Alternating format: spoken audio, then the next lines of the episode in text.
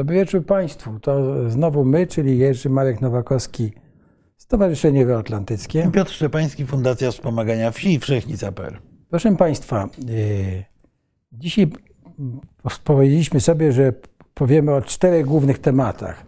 Po pierwsze, wrócimy jeszcze do wizyty Bidena No, i, w, i w Kijowie, i w Warszawie. Dobrze, Marku? Następnie wrócimy do chińskiego, cudzysłowie, w cudzysłowie teraz mówię, planu pokojowego, bo to trudno nazwać No planem. tu nie wrócimy, bo o nim jeszcze nie umówiliśmy. To jest, to jest najnowszy Mówimy w tym sensie, gorący kartofel. Mówimy jeszcze, prawda, że jest szeroko omawiany, ale my go mówimy po swojemu. Tak? I proszę Państwa, jeszcze do tego wrócimy jeszcze do problemu wojny. Na, No tak, to, to, Tak? to jest, że tak I- powiem, punkt obowiązkowy. tak, y, żeby, rok minął i jeszcze raz spróbujemy spojrzeć, jak gdyby jeszcze inne aspekty troszkę.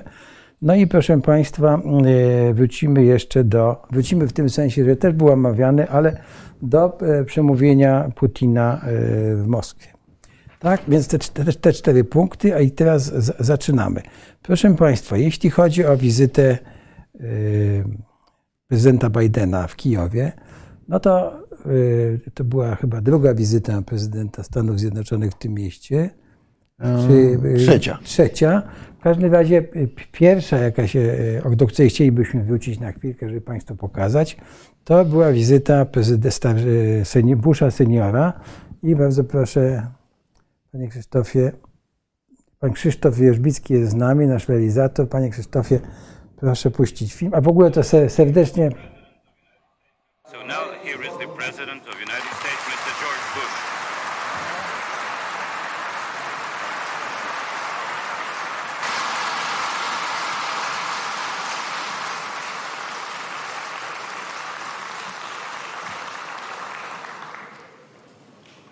first, thank all of you for that warm welcome.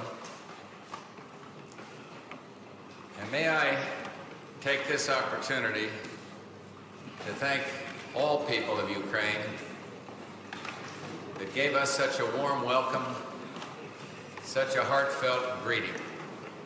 Every American in that long motorcade, and believe me, it was long, was moved and touched by the warmth of the welcome of the people of Ukraine. We'll never forget it.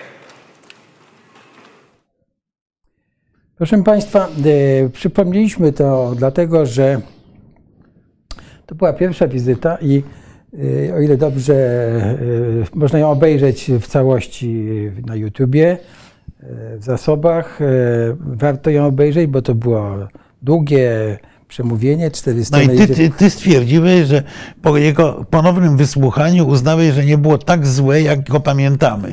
Tak, ale, ale- oczywiście, ale- ale, ale oczywiście została tak, Tak, naprawdę z tego przemówienia jedna rzecz. To, że e, prezydent Stanów Zjednoczonych mówi Ukraińcom, żeby się nie upominali o niepodległość, bo e, można inaczej realizować swoje cele narodowe. Tak, i tu właśnie chciałem zwrócić uwagę, że w takiej gazecie y, tajwańskiej, Taipei Times, ze stycznia tego roku, y, ukazał się artykuł przypominający to. I tam jest y, napisane tak, że w swojej, w swojej tłumaczenie jest moje, także wyba, proszę o wybaczenie, że w swoim słynnym przemówieniu Chicken Kijew Bush pouczał oszałamionych posłów ukraińskich, że niepodległość yy, może być receptą na nienawiść etniczną i lokalny despotyzm.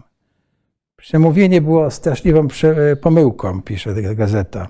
Naród ukraiński został pouczony, że należy zignorować, zapomnieć yy, wiele wieków ucisków ze strony Moskwy, zapomnieć Hołodomor, yy, terror sowiecki, który zabił miliony Ukraińców. No, to, to jest ten komentarz, który podkreśla to, co chciał, chciałeś powiedzieć. Tymczasem ch- ch- chcie- chcieliśmy zwrócić tutaj uwagę, czy ja chciałem zwrócić uwagę, że historia zatoczyła koło, bo e, prezydent Bush, poje, e, przepraszam, Biden pojechał do Kijowa i, i, i powiedział zupełnie co innego. No, I tu Biden e, powiedział, no to przemówienie było ważne, jeszcze do tego za moment pewnie wrócimy, ale Biden powiedział dwie rzeczy. Nic o Ukrainie bez Ukrainy, co jest niesłychanie ważne i co stoi w sprzeczności trochę z tymi radami e, George'a Busha starszego. I Biden powiedział również, a właściwie samą swoją podróżą zaznaczył, że autorytet pierwszego światowego mocarstwa, jakim są Stany Zjednoczone, jest zaangażowany w obronę Ukrainy, w obronę ukraińskiej suwerenności i we wsparcie ukraińskiego wysiłku wojennego. No więc to jest, y, to jest przepaść pomiędzy tymi dwoma przemówieniami, która skądinąd pokazuje nam, jak bardzo zmieniła się sytuacja i w naszej części Europy, i na świecie. Tak. I proszę Państwa, y, jeśli y, chciałbym jeszcze poprosić taki wątek dzisiaj, może zdążymy, jak w ogóle zmieniła, zmieniła się Ukraina i Ukraińcy w, w ciągu ostat, tego ostatniego roku, bo to jest, zresztą oni, proszę zwrócić uwagę, od, jak oni się zmienili w zasadzie od tej wizyty Busha seniora, prawda, do, do dzisiaj, jak, jak się zmieniła cała, cała sytuacja. W tym artykule, w Taipei Times jeszcze zwrócono uwagę, że droga do wojny, według tej gazety, zaczęła się w 1994 roku. Tak? Kiedy Ukraina, ufając Stanom Zjednoczonym, prawda, mocarstwom zachodnim, no, oddała prawda, tę broń atomową. Tak, a Ukraina była wtedy trzecim mocarstwem atomowym świata, dużo mocniejszym od Chin, Francji i Wielkiej Brytanii, jeśli chodzi o posiadane zasoby broni atomowej. Tam oczywiście są spory, to, czy Ukraińcy mogli z tej broni skorzystać, czy nie, był potrzebny, czy nie była potrzebna autoryzacja z Moskwy, no ale, ale mieli tę broń u siebie, mieli tę broń w swojej dyspozycji y, i y, w publicystyce i ukraińskiej, nie tylko, bardzo często pojawia się w tej chwili bardzo niebezpieczny motyw, że to był błąd, że Ukraina uwierzyła w memorandum budapesztańskie, memorandum gwarantujące e, integralność terytorialną Ukrainy, podpisane i przez Rosję, i przez Stany Zjednoczone, i przez Wielką Brytanię, i przez Francję, czyli przez państwa atomowe. E, I gdyby tę broń zachowała, to nie byłoby żadnego zagrożenia. To jest e, to jest w istocie zaproszenie nie dla Ukrainy, ale dla dziesiątków innych krajów, bo według różnych obliczeń od kilkunastu do kilkudziesięciu państw na świecie ma możliwości techniczne wytworzenia broni atomowej. Mhm. Prawda? Więc y, to jest w istocie powiedzenie, że słuchajcie, zróbcie sobie bombę atomową i będziecie bezpieczni, bo bez tego nie przykład y, reżimu północno-koreańskiego jest tutaj najlepszym przykładem oczywiście. No dlatego się nie udały te wszystkie zabiegi Trumpa, prawda? Między innymi, no przecież yy, Korea Północna byłaby głupia, gdyby oddała ten broń, by no się więc, pozbawiła... No, no okej, okay, tylko to oznacza, że ileś krajów na świecie z Iranem na czele będzie próbowało tę broń atomową dla siebie pozyskać. To jest, y, a, a jak pozyskają, to w pewnym momencie ktoś tej broni użyje i znowu wrócimy do tego przy, przy, tak. przy, omawianiu stanowiska chińskiego, ale użyje i odczaruje broń atomową, co jest niesłychanie niebezpieczne, bo sztaby generalne w większości krajów y, już przyzwyczaimy się do myśli, że w przyszłej wielkiej wojnie y, ta broń może być użyta i że nie będzie to takie straszne, jak nam się kiedyś wydawało. Y, wolałbym, żeby tego nie sprawdzać w, w naturze gdziekolwiek na świecie. Słuchaj, proszę Państwa, ja jeszcze raz Państwu serdecznie dziękuję za to, że Państwo z nami są dzisiaj i że Państwo w ogóle nas oglądają i potem piszą komentarze. Y, chciałbym zwrócić Państwa uwagę, że y, y, na dole pod filmem jest uwaga, że można wspierać Wszechnicę na, czy nawet wręcz naszą, naszą rozmowę na, na Patronajcie, ale to oczywiście zostawiamy do Państwa dyspozycji. Prosimy jak zawsze o wsparcie łapkami w górę, prawda, nie kciukami. A jeżeli Państwo uznają, że można na Patronajcie, to też bardzo jest, było fajne.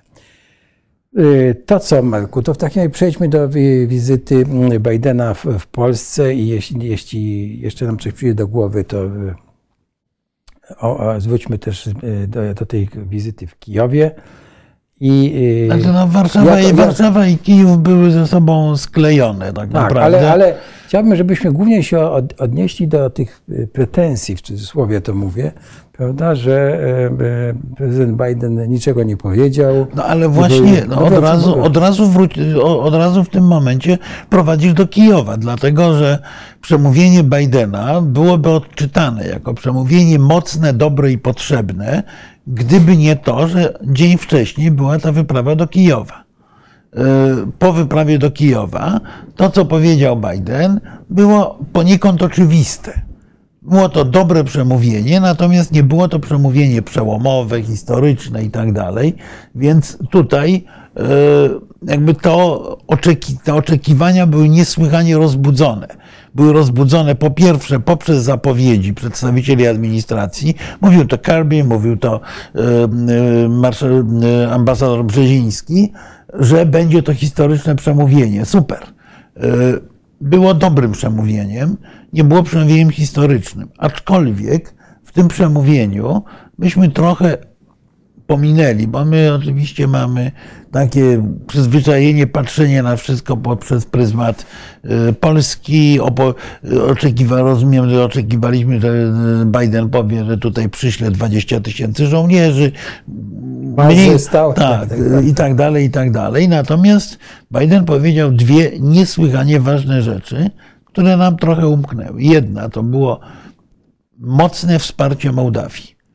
E, Pamiętajmy, że Mołdawia jest w tej chwili krajem zagrożonym. Jest zagrożonym mniej nawet bezpośrednią napaścią rosyjską, bo technicznie będzie to trudne. Natomiast jest zagrożona próbami przeprowadzenia przewrotu, który obali prozachodnie rządy. Y, I y, jednoznaczne wsparcie amerykańskie dla Mołdawii, wsparcie dla prezydent Maisandu było powiedzeniem, że zaangażowanie Stanów Zjednoczonych nie ogranicza się do Ukrainy. Nie ogranicza się nawet do NATO, którego będzie bronił, co podkreślił, że, te, że Stany Zjednoczone myślą o nowym porządku politycznym, czy nowym porządku bezpieczeństwa w całym regionie. Bo również w tym przemówieniu pojawiła się Białoruś Tak. jako istotny czynnik bezpieczeństwa. Czyli y, ja mówiłem zresztą w naszej rozmowie przed tygodniem, że ja mam taką nadzieję, że to wystąpienie Bidena to jest wystąpienie, które zarysuje nową architekturę bezpieczeństwa. No, myślę, że to sobie prezydent Stanów Zjednoczonych zostawił na szczyt NATO w y, Wilnie. Bo pamiętajmy, że szczyt NATO w Wilnie w lipcu ma zatwierdzić nową koncepcję strategiczną. Dobrze, ale to ci... I, te- i, i- I teraz nie do końca tak się stało, ponieważ Biden, mówiąc w Warszawie, generalnie dobrze i na okrągło, jednocześnie zapowiedział tak naprawdę tę nową architekturę bezpieczeństwa, włączając w swój wywód nie tylko Ukrainę, nie tylko NATO, ale również Białoruś i Mołdawię.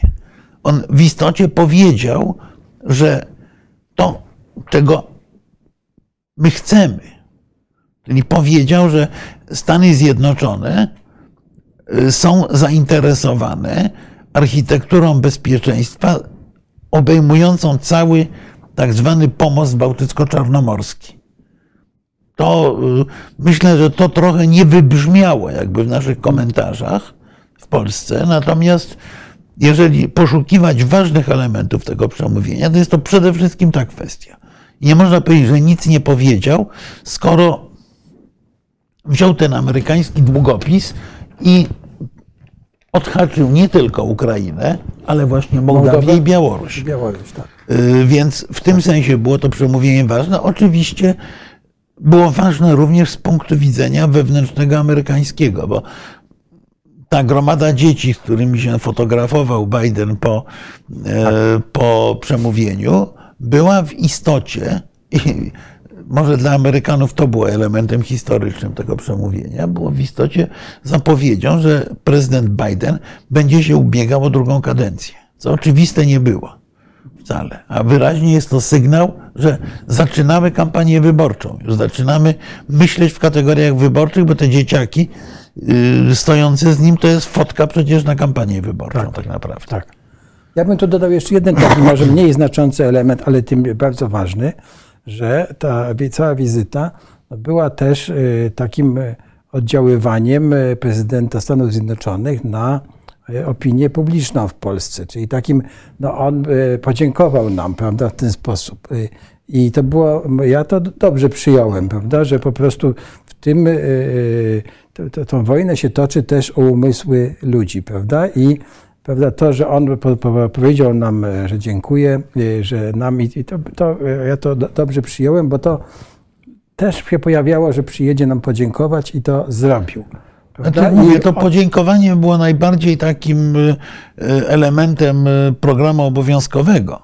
No, A natomiast, natomiast również ważną rzeczą, oczywiście kompletnie zabagnioną przez naszą wewnętrzną awanturę polską, również ważną rzeczą było to spotkanie prezydenta Bidena z liderami opozycji to tego się zasadniczo nie robi. Prezydent Stanów Zjednoczonych, jak Państwo popatrzą na dowolne wizyty dowolnego prezydenta, spotyka się z, ze swoimi odpowiednikami, spotyka się z władzą. jak jest, jak jest demokratycznie wybrana i jest, że tak, Tak. powiem, full democracy. No tak. tak? A e, to, to robiono, pamiętasz, jak przyjeżdżał, przyjeżdżali do Polski w, sta, w czasach No tak, stanu no to, wojennego. no? Zawsze no, trzeba było się spotkać. No tak, no ale no to Margaret była Thatcher- kompletnie inna, Tak. kompletnie inna bajka. Tak. Ym, Ale, ale generalnie prezydenci amerykańscy bardzo dbają o to, żeby się nie mieszać w sprawy polityki wewnętrznej. Tutaj to spotkanie z opozycją y, było sygnałem, że Amerykanie nie zapominają o tym, że e, należy wspierać demokratyczny konsensus w Polsce, bo to nie jest sygnał oczywiście, że uważają władze za niedemokratyczne. To nie jest spotkanie z Lechem Wałęsą w czasie stanu wojennego.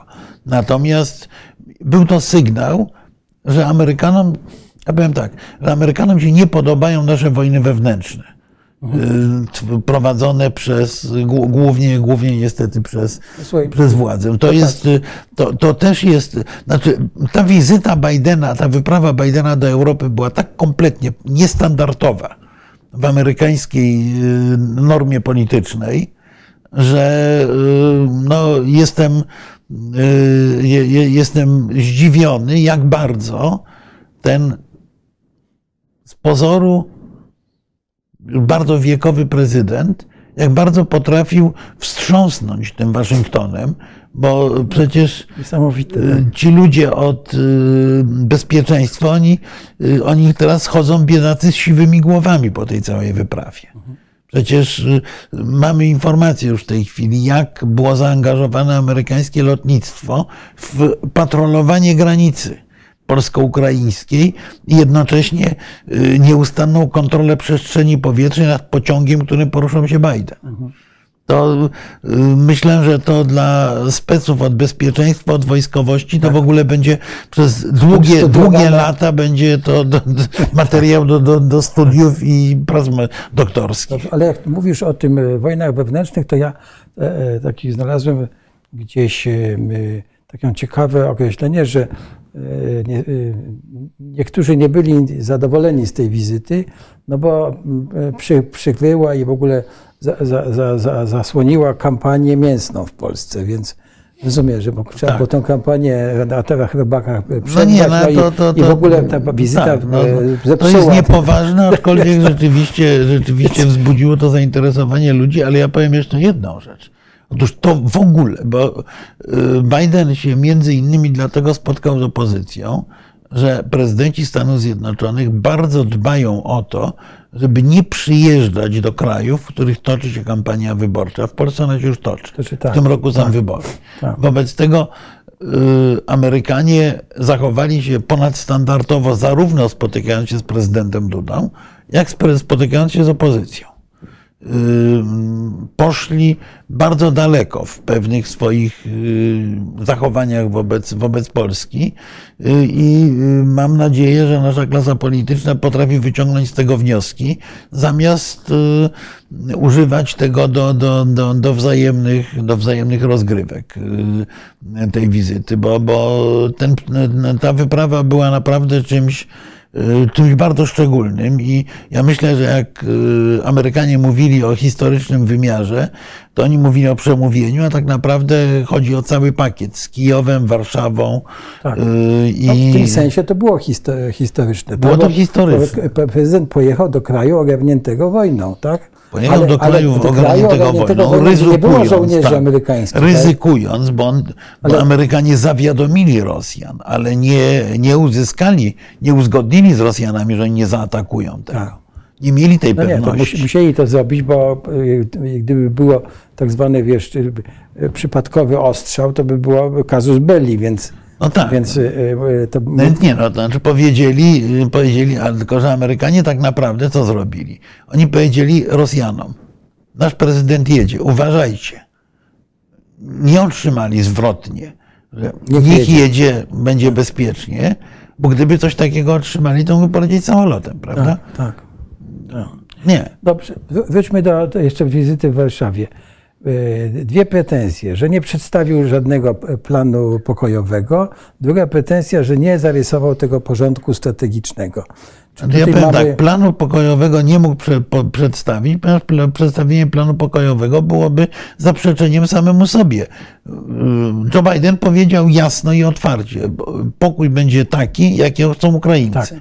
Bez tego nie Stany Zjednoczone są od przedstawienia planu pokojowego. To raz. A co do strategii, tak jak mówię, mam wrażenie, że my trochę nie- że, oczekiwaliśmy trochę takiego walenia pięścią w stół. Amerykanie bardzo subtelnie, ale zaznaczyli te elementy strategiczne nowe. Naprawdę Białoruś się nie pojawiała wcześniej w wystąpieniach yy, yy, polityków w związku z wojną toczoną w Ukrainie w ogóle. No tak, ale zwróćmy uwagę na dwie rzeczy. Mianowicie taką, że y, y, Białoruś jest ogłoszony, prawda, czy przedostał się ten plan y, no, całkowitej, że tak powiem, y, wchłonięcia No Białorusi. tak, ale, no tak, ale to wszyscy, o, wszyscy to wiedzieli, wszyscy tak, to ale- wiedzą.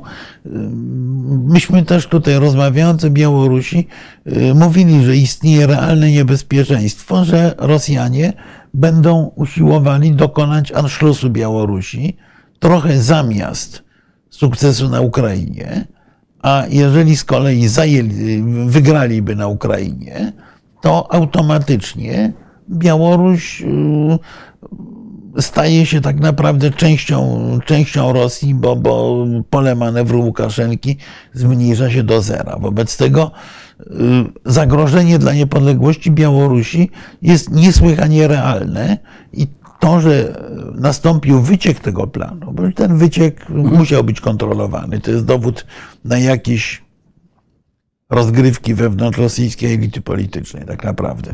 To, że on został ujawniony, to, to, to tylko, tylko jakby potwierdza tę wizję rosyjskiej ekspansji, rosyjskiej walki o nową supermocarstwowość prowadzonej siłą. No i, i, i tyl, tylko tyle, ale to nie sądzę, żeby tutaj Biden reagował na te informacje. Jak mówię, to wszyscy, wszyscy, którzy się zajmują polityką tego regionu, to wiedzieli, że taki jest cel rosyjski.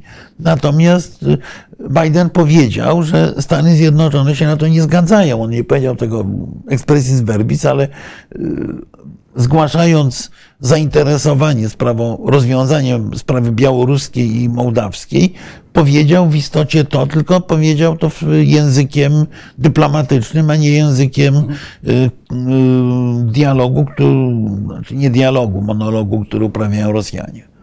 Tu, jeśli mówimy o Białorusi, to jest ciekawy też wątek tej wizyty y, Łukaszenki w Chinach.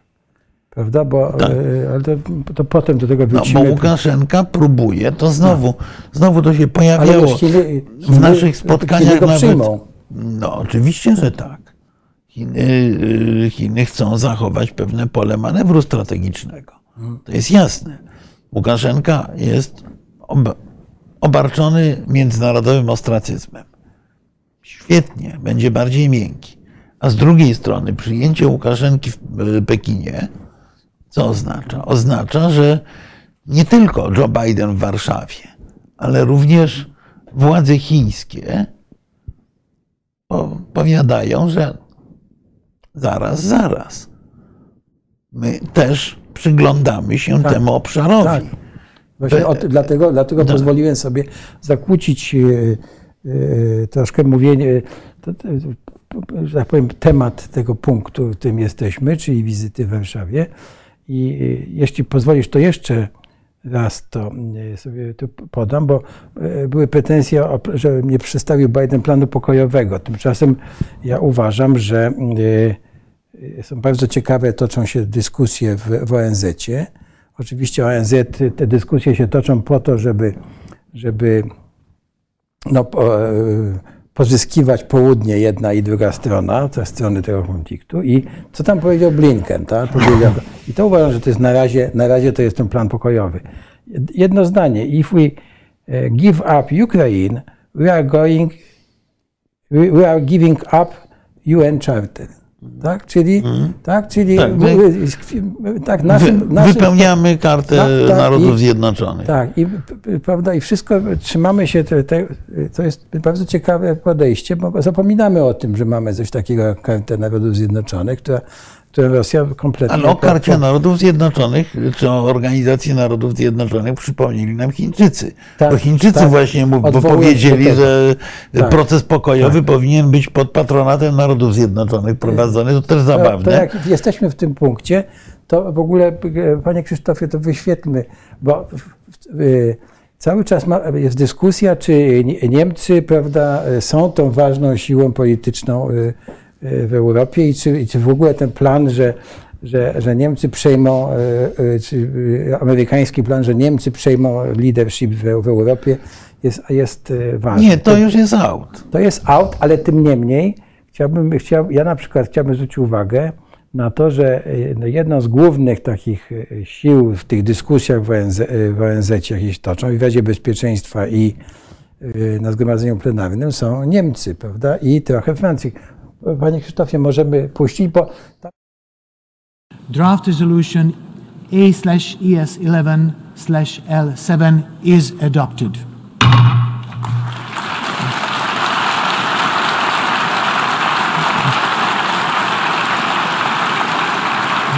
The result of the vote is as follows. In favor, 141. Against, 7. Abstentions, 32. 外交谈判的进程不能放弃，止战促谈的努力必须坚持。国际社会要为此创造条件，而不是煽风点火、谋取私利。I've heard also today some of you who just said that by arming Ukraine, we are adding fuel to the fire.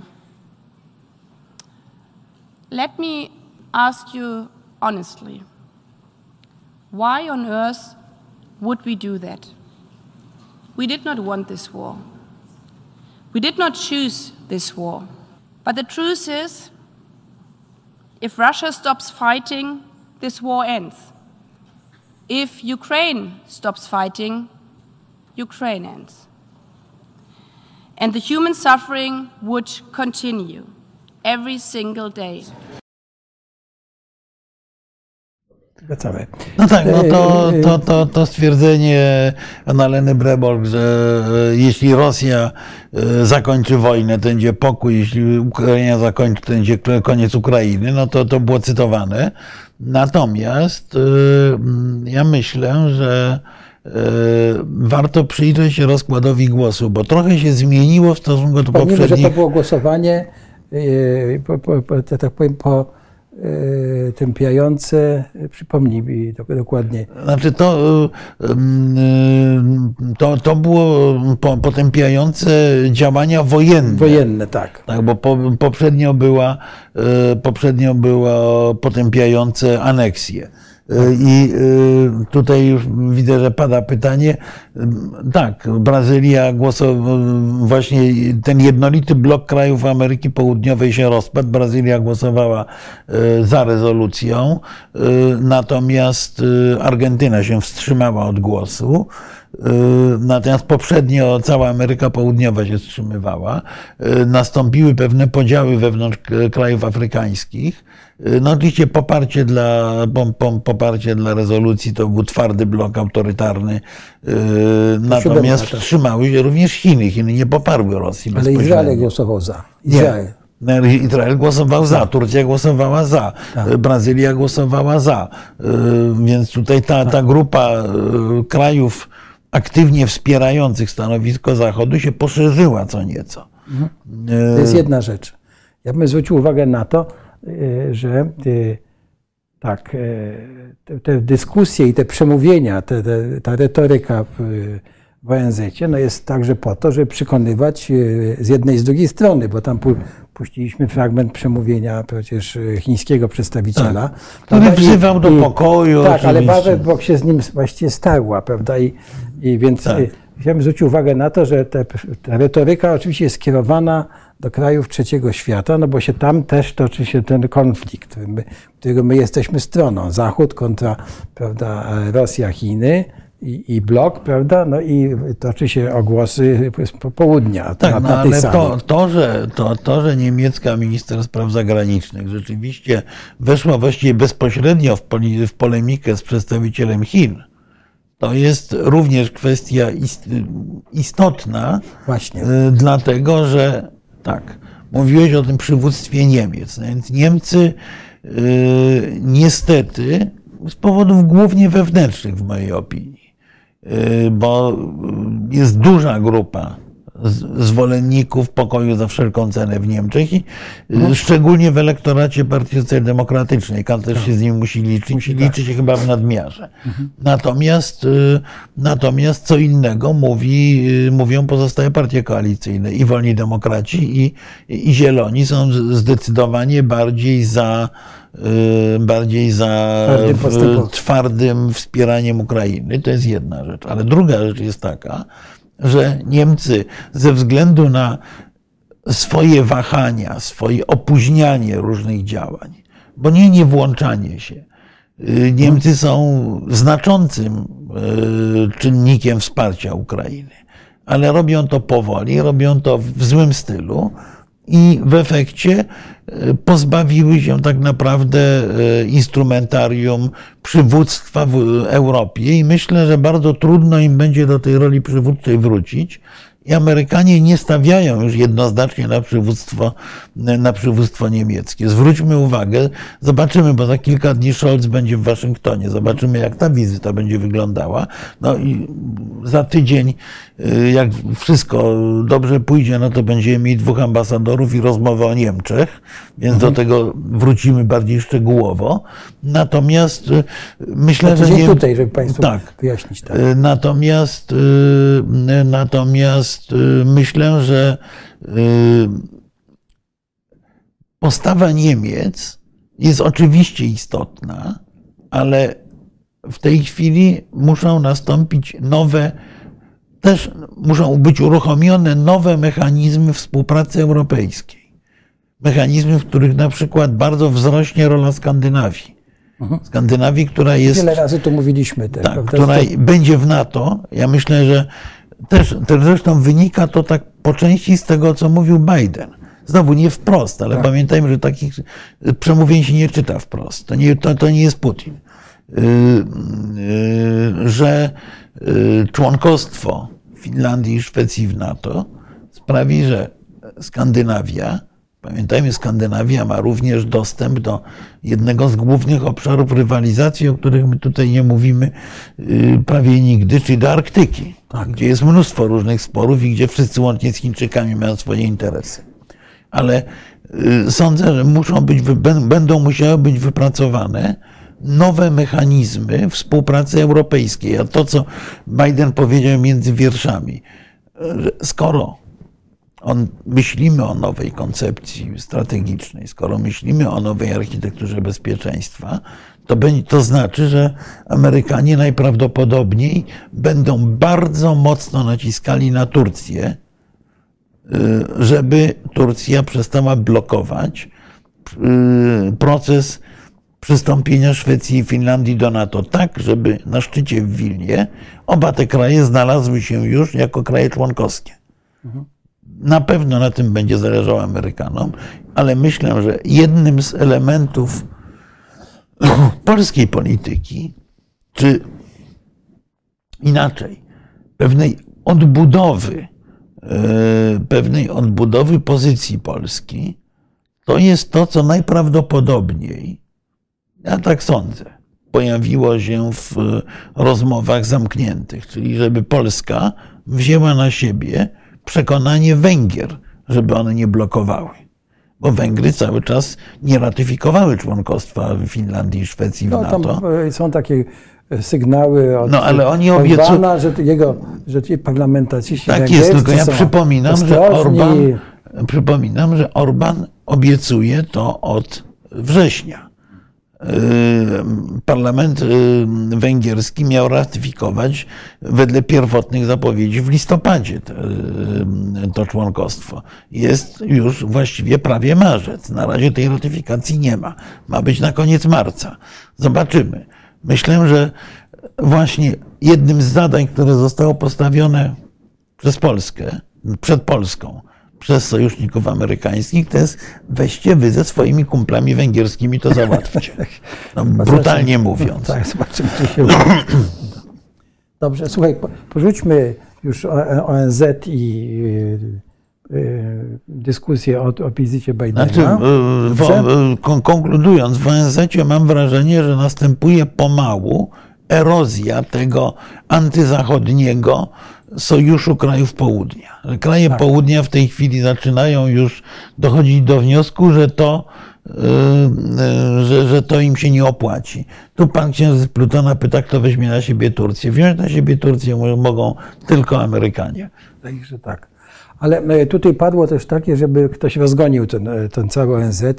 No, ja bym nie był taki skory do tego, prawda, żeby rozganiać w tej chwili ONZ. Przypomnijmy, że ONZ został stworzony jako e, no, taka instytucja, która w pierwszym podejściu jako Liga Narodów się nie, nie udała. Prawda? ONZ się udał i miał. No, je- jednak jest to forum, w którym, jak widać, można toczyć spory, prawda, przegrywać, wygrywać. No, a No poza tym jest to dobry barometr, no nawet Tak, dla nas właśnie, tak. Mhm. jak przyglądamy się tym wynikom głosowań, to mniej więcej wiemy, jak poszczególne kraje się zachowały. Tak. I ja na przykład jak patrzę na panią e, e, minister Niemiec, jak ona przemawia tam, prawda, to tak bym marzył o tym, żeby się pojawił ktoś taki z Polski, nie wiem, e, jakaś pani, może Katarzyna Pisarska, która by wyszła, no i, i też po- powiedziała, że tak powiem, swoje, prawda, w tej dyskusji, prawda, no, tak bym omarzył, że jak mówiliśmy o roli naszej dyplomacji, jakie my mamy interesy w Afryce, tak, ktoś tam pytał, tak, no to no właśnie takie, no właśnie takie, żeby zabiegać o przychylność krajów południa dla Zachodu, tak, żeby tłu- tłumaczyć, y, wspierać tę akcję, no bo to się jednak toczy walka o to, y, czy to ten Zachód i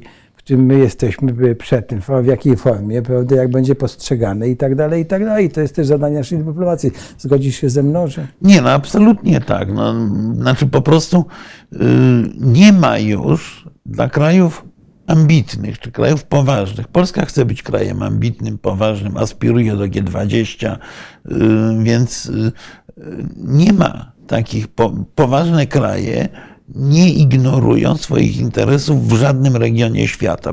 Polityka, dyplomacja międzynarodowa się y, zglobalizowała. I y, żeby budować siłę ekonomiczną, siłę polityczną i tak dalej, musimy być obecni również w tych regionach, w których nas nie ma, czy nie było do tej pory. Afryka i Ameryka Południowa są nieprawdopodobnie ważne ze względów surowcowych i tak dalej, i tak dalej. To jest, tu, tu można długo na ten temat rozmawiać i być może trzeba na ten temat rozmawiać, a obawiam się, że kłopot jest taki, że że my w ogóle nie, nie, nie myślimy o tym, nie bierzemy tego Tak, pod w uwagę. ogóle nie. Znaczy, w- tak, znaczy, tutaj przychodzą takie czasy, że należy myśleć, myśleć w pewnym e, sensie w, e, o interesach całego naszego, że tak powiem, systemu, czy całego bloku, czy jak tokolwiek nazwiemy, euroatlantyckiego, prawda? No my jest- jesteśmy częścią I, świata. I, i, I każdy, że tak powiem, głos e, naszego ambasadora, który zresztą byłby sprawny, żeby, żeby tam działać, no byłby bardzo pożądany w tym, w tej, w tej, tak powiem, grze. Nie lubię tego słowa, no ale Nie, no inaczej. Jeżeli chcemy mieć coś do powiedzenia w Europie, w regionie, w NATO, to musimy mieć własną politykę wobec tych, tych obszarów. Bo u nas y, y, jest, my w myśleniu politycznym jest taka dziwaczna schizofrenia. Z jednej strony chodzimy, napinamy mięśnie, my tu potęga, jesteśmy takim ważnym krajem i tak dalej, a z drugiej strony a z drugiej strony cały czas mówimy, że nasza chata z kraja nas nie obchodzi, co się dzieje tam, nie wiem, w Etiopii, w Mali, gdziekolwiek indziej. To było świetnie, to świetnie widać na, w polu naszej polityki imigracyjnej. Kiedy e, z jednej strony kluczową, y, kluczową rolę w y, naszym wizerunku odgrywa przyjęcie milionów uchodźców z Ukrainy, a z drugiej strony cały czas narracja naszego rządu jest taka, że żaden uchodźca tutaj z tej dzikiej tego dzikiego obszaru południa nie postawi nogi w Polsce i ludzie giną gdzieś tam w Puszczy Białowieskiej, prawda? No nie.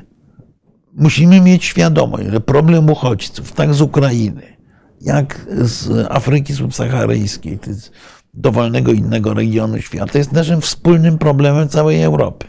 Europa podlega depopulacji, Europa musi mieć jakąś politykę imigracyjną, Europa ze względu na to choćby musi mieć politykę wobec Afryki, wy- wypracowaną i wspólną. Nie możemy siedzieć z boku i mówić nie, bo nie, tylko musimy, yy, musimy mieć udział w pewnym budowaniu wspólnej wizji. Więc yy, tak, yy, status uchodźcy w, niekoniecznie w państwie, w państwie bezpiecznym dokładniej status uchodźcy obowiązuje. No ale to jest, to, to jest też na trochę, inną, na trochę inną rozmowę. Nie o uchodźców mi chodzi. To są surowce, to są uchodźcy, to jest eksport, to jest przekonywanie globalnego południa, żeby działało wspólnie z nami, z zachodnimi. Tak, no, oczywiście oni ma- mają swoje uprzedzenia i słusznie, prawda? Może nie, nie zawsze z naszej winy polskiej, Mhm. ale no, no cóż, cóż możemy zrobić. Tak. Dobrze, y, do pytań wrócimy jeszcze. Tak, do tutaj godzinie. mnóstwo, mnóstwo ciekawych Tak, uwag tak. jest między innymi o sprawie, jaka jest ocena polskiej dyplomacji. No Wiele razy tu mówiliśmy. Znaczy, ocena polskiej dyplomacji jest zła, który, tą ocenę troszeczkę próbuje pro, poprawić prezydent swoją, tak. swoją e, aktywnością. Yy, No ale to jest jakby on, inna... ale on, nie, on nie zastąpi przecież tych codziennych. y, Nie, no ale to nie, nie, nie zrobi, nie może być zastępca, zastępcza dyplomacja prezydencka, nie mówiąc już o tym, że w Polsce jest y, konstytucja, która mówi o, y, która mówi o tym, Mandacie czy kto odpowiada za politykę zagraniczną. Jest tam napisane expressis verbis, że politykę zagraniczną prowadzi Rada Ministrów. Więc abdykowanie z prowadzenia polityki zagranicznej jest też trochę bez sensu. Y, Nie wiem, tu pytanie, aha, bo to żeby już y, odnieść się tak w biegu. Y, Ilu przyjąłem uchodźców? To jest pytanie, ilu przyjąłem u siebie w domu? Niewiele osób, ale czwór, czwórkę osób z Ukrainy miałem zaopiekowaną po, po, po wojnie. Natomiast czy po, po eskalacji konfliktu. Natomiast y, ja powiem coś innego. Otóż, jak byłem ambasadorem w Armenii, to pojawiła się możliwość, że ponieważ bardzo wielu Ormian mieszkało w Syrii, w Aleppo. Y, I oni uciekali oczywiście stamtąd. Ale żeby było zabawniej, to byli ludzie zamożni, wykształceni, niewątpliwie bardzo cenni uchodźcy. Poza tym badania robione przez polskich przedsiębiorców wtedy wskazywały, że najlepiej integrującą się grupą imigrantów w Polsce są Ormianie. No więc ja sugerowałem, żeby właśnie przyjąć jako uchodźców z Syrii, których mieliśmy przyjąć w ramach tych pakietów europejskich, żeby przyjąć tych Ormian. Chrześcijanie łatwo się adaptują, mają zazwyczaj jakieś związki Jakieś rodzinne z tymi, którzy są w. Polsce. Tak. Y, I oczywiście jaka była odpowiedź y, rządu wtedy już PiSu? Otóż odpowiedź była taka, y, nie, bo dla zasady nie przyjmuj, z zasady nie będziemy przyjmowali uchodźców, tego nasz elektorat nie, nie, nie kupuje. Kompletnie bez sensu, oczywiście. Natomiast y, y, no, jeżeli mówimy o przyjmowaniu, to Kanadyjczycy właśnie to zrobili. Przyjęli tych uchodźców z Syrii, którzy przywieźli pieniądze, know-how biznesowy, dobre kontakty, świetnie się za, zaklimatyzowali. Więc y, umówmy się, że to, że to, jest, że to jest problem. Dobrze, dobrze, to- to- i żeby, jeszcze jedno zdanie tylko, bo pan Bączkiewicz powiada przyjąć białych Afrykanerów z RPA. Otóż nie wiem, czy pan wie, że pan y, kopiuje to, co ja usłyszałem lata temu w RPA. Mianowicie y, na jak, w jakimś klubie dla białych, to był przełom lat 90. i 2000, już nie pamiętam dokładnie kiedy, w jakimś klubie dla białych w Durbanie usłyszałem od twardych Afrykanerów, że największym naszym błędem było to, że nie przyjęliśmy tysięcy uchodźców z komunistycznej Polski, z komunistycznego bloku, bo byśmy wtedy mieli przewagę nad czarnymi. Więc y, to takie jednoczynnikowe recepty nie są specjalnie, nie są specjalnie Jakieś dobre. Historie, jakie tam się wydarzyły, są takim smutnym e, Tak, komentarzem ale, do ale tego, co mówię, to, to do, dokładnie lustrzane odbicie tego, co, Tak. co, co, co nasz drogi słuchacz Dobrze, proponuje. wrócimy do pytań. Majku, plan pokojowy chiński. Dobrze, teraz omówmy, bo... No, mam tutaj ten plan pokojowy chiński i y, powtórzę to, co mówiłem przedwczoraj chyba w telewizji, y, y, że to jest y, coś takiego, co nosi nazwę chiński plan pokojowy i w tym Chiny, chiński jest napisany bardzo dużymi To literami. jest w ogóle jakiś plan, czy to jest w ogóle... E, nie. Bo sami nazywają Plan jest takie trochę mniejsze, a pokojowe to w ogóle nie widać. Tego to jest takim drobnym druczkiem, jak najważniejsze zapisy umów To kredytowych. jest jakieś takie określenie wstępnych jakichś yy, zasad, prawda, nie, a nie planów. Znaczy nie, no to, to są, znaczy to są pewne chińskie życzenia, czy chińska wizja porządku międzynarodowego tak naprawdę. Bo e, Jack Sullivan powiedział, że wystarczyłby pierwszy punkt, ale który mówi o poszanowaniu suwerenności i integralności terytorialnej wszystkich państw. Doskonale, tylko e, zwróćmy uwagę, że Chińczycy, rozwijając ten punkt w tej swojej publikacji, powiadają, że należy odrzucić stosowanie podwójnych standardów. Czyli w tym pierwszym punkcie zostało zawarte takie ukłucie szpilką Amerykanów, bo przecież Tajwan jest uzna- uznawany przez nawet Stany Zjednoczone jako część Chin. Wobec tego odrzucenie podwójnych standardów oznacza, jesteście przeciwko rosyjskiej agresji na Ukrainę, no to pozwólcie nam zagarnąć Tajwan. Yy, To, to, to jest tak sformułowane przez dyplomację chińską. Punkt drugi, porzucenie dyp- y, mentalności zimnowojennej. No to wiadomo, to już nie psztyczkiem, a, a, pałką po świecie zachodnim, bo to świat zachodni, zdaniem Chińczyków, przenosi tę mentalność zimnowojenną. Y, Punkt trzeci, zaprzestanie działań wojennych.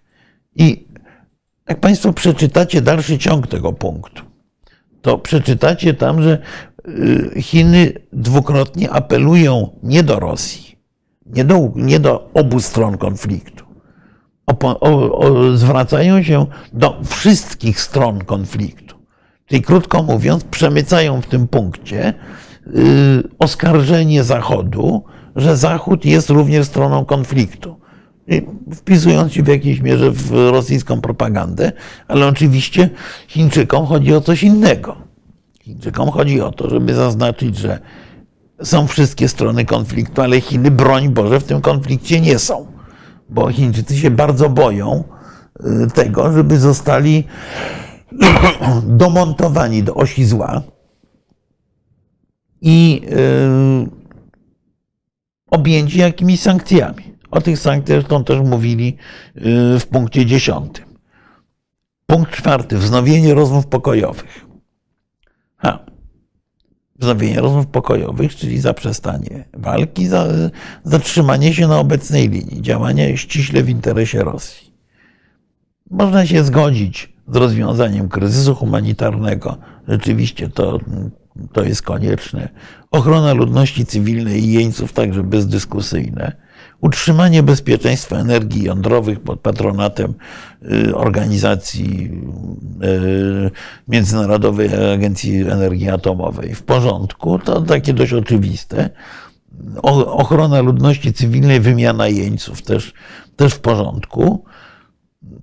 Ale potem mamy ograniczenie ryzyka strategicznego, czyli y, twardy sprzeciw przeciwko użyciu broni masowego rażenia, zarówno atomowej, jak oni tu wymieniają, również biologiczną i chemiczną. I to jest pewnie jeden z głównych powodów, dla którego Chińczycy w ogóle się do tego odnoszą.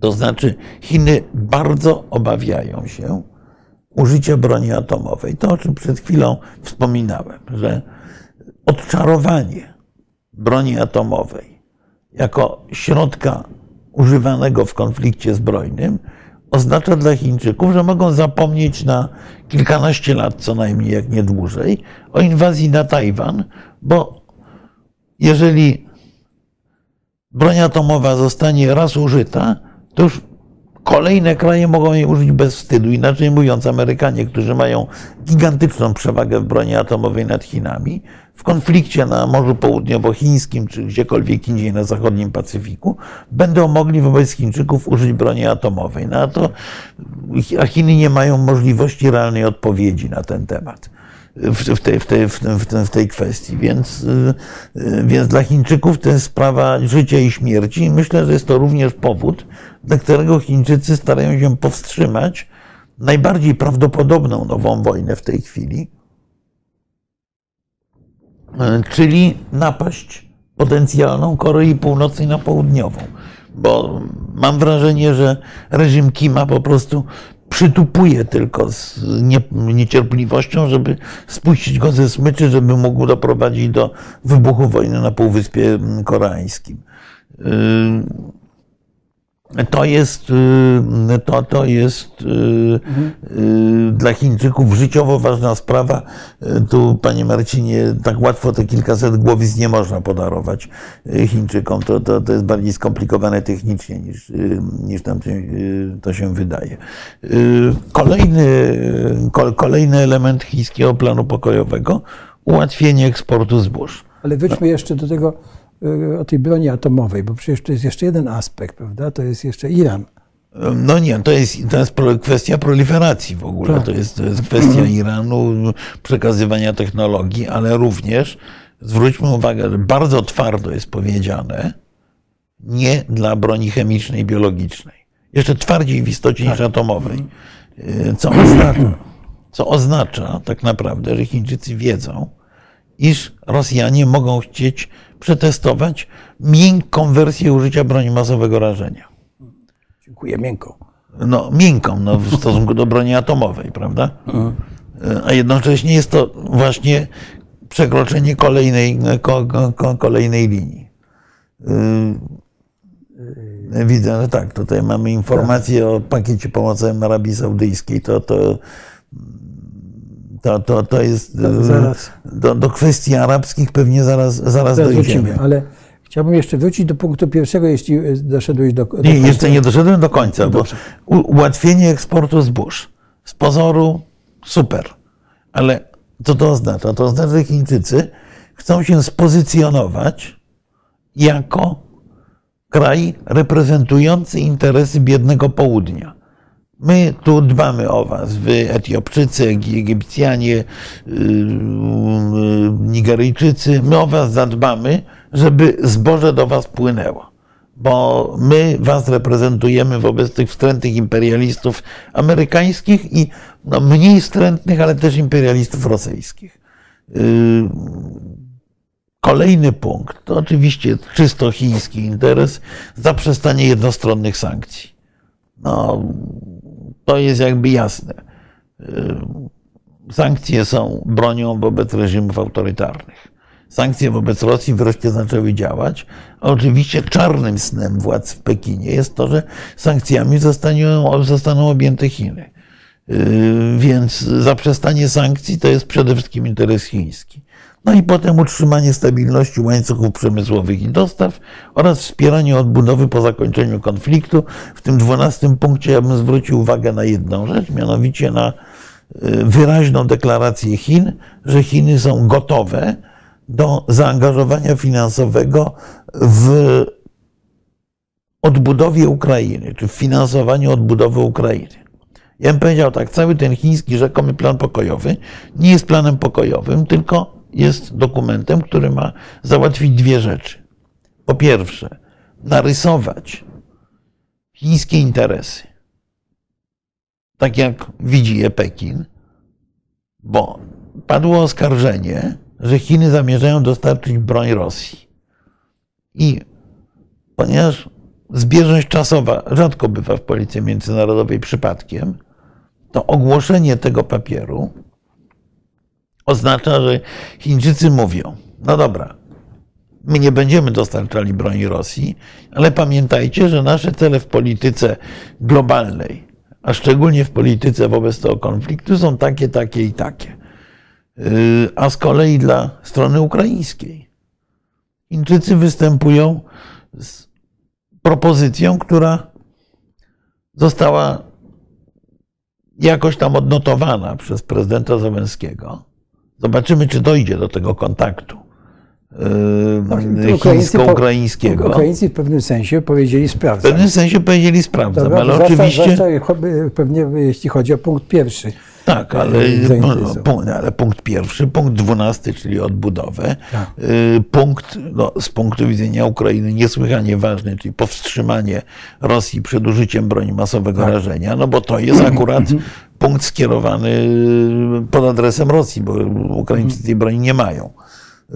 Więc, więc są tutaj elementy, które są tutaj elementy, które dla strony ukraińskiej mogą być interesujące. A rzeczywiście Zełenski powiedział, sprawdzam, ja jestem gotów się spotkać z Xi Jinpingiem i omówić wspólne problemy. No i teraz Xi, który przygotowuje się do wizyty w Moskwie, nagle staje przed pytaniem, czy on nie powinien pojechać do Kijowa śladem Bidena a może zaprosić, yy, może zaprosić Zełenskiego do Chin. Yy, Też, yy, te, te, te, też jakaś opcja. No w każdym razie ani jeden, ani drugi gest nie byłby dobrze odebrany przez Rosjan. A z kolei, no jeżeli nie rozmawiamy z Ukraińcami, to co to za plan pokojowy? Yy, Więc myślę, że myślę, że rzeczywiście odpowiedź ukraińska jest w punkt, a jednocześnie jest powiedzeniem, że ten plan chiński zawiera elementy, które dla Ukrainy mogą być interesujące. Ciekawe, co będzie. Ja tylko chciałbym tu, jak o tym mówimy, wspomnieć, y, że y, obydwie panie y, i minister spraw, pani Baerbock, czyli minister spraw, ministra spraw zagranicznych Niemiec i Ursula von der Leyen w swoich oświadczeniach no, wytknęły Chinom a propos tego planu, prawda, że, że to Chiny pchnęły Rosję do wojny przez tą wspólną deklarację, która była ogłoszona prawda, już, prawda, z okazji tej olimpiady, czy obok. Mówimy o 20 No tak, no, na tych Chiny nie tyle pchnęły Rosję do wojny, ile Chińczycy uwierzyli Rosjanom w opowieść o tym, że wojna będzie trwała trzy dni i nikt jej nie zauważy. Nikt nie zauważy. Yy, Tak. Wobec tego, jak zobaczyli, że ta wojna się rozkręca do rozmiarów nowej zimnej wojny w skali globalnej, yy, to, yy, no to nie są zachwyceni. Znaczy, ja się nie zgadzam z tymi komentatorami, bo jest trochę takich komentatorów, którzy mówią, że ta wojna jest w interesie Chin. Ona przez chwilę była w interesie Chin. Oczywiście Chińczycy zarabiają na tej wojnie ogromnie dużo, ale dla Chińczyków w tej chwili ta wojna jest już zagrożeniem. Jest zagrożeniem stabilności handlu światowego, jest zagrożeniem, bo y, świat zachodni y, zwiększył znacząco swoją solidarność i ta solidarność Zachodu może się y, zwrócić przeciwko Chinom łatwiej niż kiedykolwiek wcześniej. Ja przypominam, że Niemcy wprawdzie cały czas kontynuują wymianę handlową z Chinami na olbrzymim, w olbrzymiej skali, ale wewnątrz Niemiec toczy się już dy- dyskusja na temat y, przejścia, powolnego przejścia, to Niemcy mówią wprost i to mówią wszystkie, to jest międzypartyjna zgoda, y, do takiego powolnego marszu w kierunku tak zwanej polityki dekuplingu. Tak. Czyli No, Nie, niektórzy twierdzą, że proces się już rozpoczął. ten proces się częściowo już rozpoczął. Zwracam uwagę, że na przykład niemieckie y, y, gwarancje kredytowe przestały obejmować duże firmy y, działające na rynku chińskim. To w tej chwili ta oferta jest skierowana tylko do średnich i małych.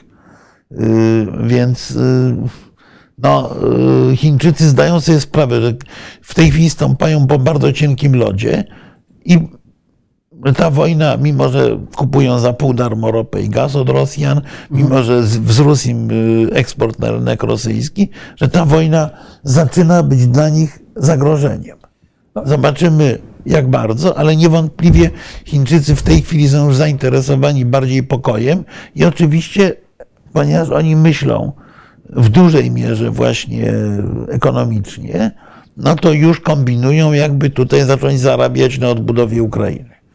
Słuchaj, ale tu jest ciekawy aspekt taki, że y, no, mamy ten y, y, taki niepisany pakt rosyjsko-chiński, prawda? Xi się właściwie osobiście zaangażował tymi swoimi deklaracjami, jeśli chodzi o Putina, no, to co mówił minister spraw zagranicznych Chin w czasie tej wizyty, prawda? No nie był E, minister, ja wszystkich Dobra, poprawiam. Wang Yi awansował. Wang Yi nie jest już ministrem Dobra, spraw zagranicznych, jest szefem Biura Zagranicznego Partii Komunistycznej i Dobra, członkiem Politbiura. Czyli ważniejszą jeszcze osobą. Ważniejszą osobą, tak. Dobrze. Jest główną, jest główną postacią Tym- chińskiej tym polityki tym Mniej ta zagranicznej. retoryka Tak. była e, taka, prawda, ale czy nie jest jednak tak, że te inne cele rosyjskie i chińskie są nieco różne, bo z wypowiedzi Putina widać, że on ciągle multipolarny, dwa razy chyba padło w czasie tego multipolarny świat, prawda? A Chińczycy chyba nie chcą multipolarnego świata, prawda? Yy,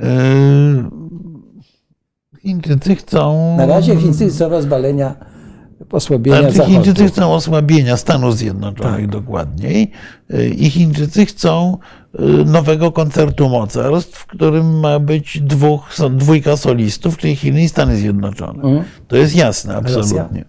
Y, A Rosja no, takim drugim, drugim, Ale drugie jaki- skrzypce. Ale jaki jest cel Rosjan? Bo u Putina... Na cel u Rosjan jest Putina- też oczywisty, żeby Rosjanie chcą być jednym z y, dwóch, trzech graczy, którzy będą y, y, współdecydowali o losach świata. I uważają, że należy im się pozycja supermocarstwa.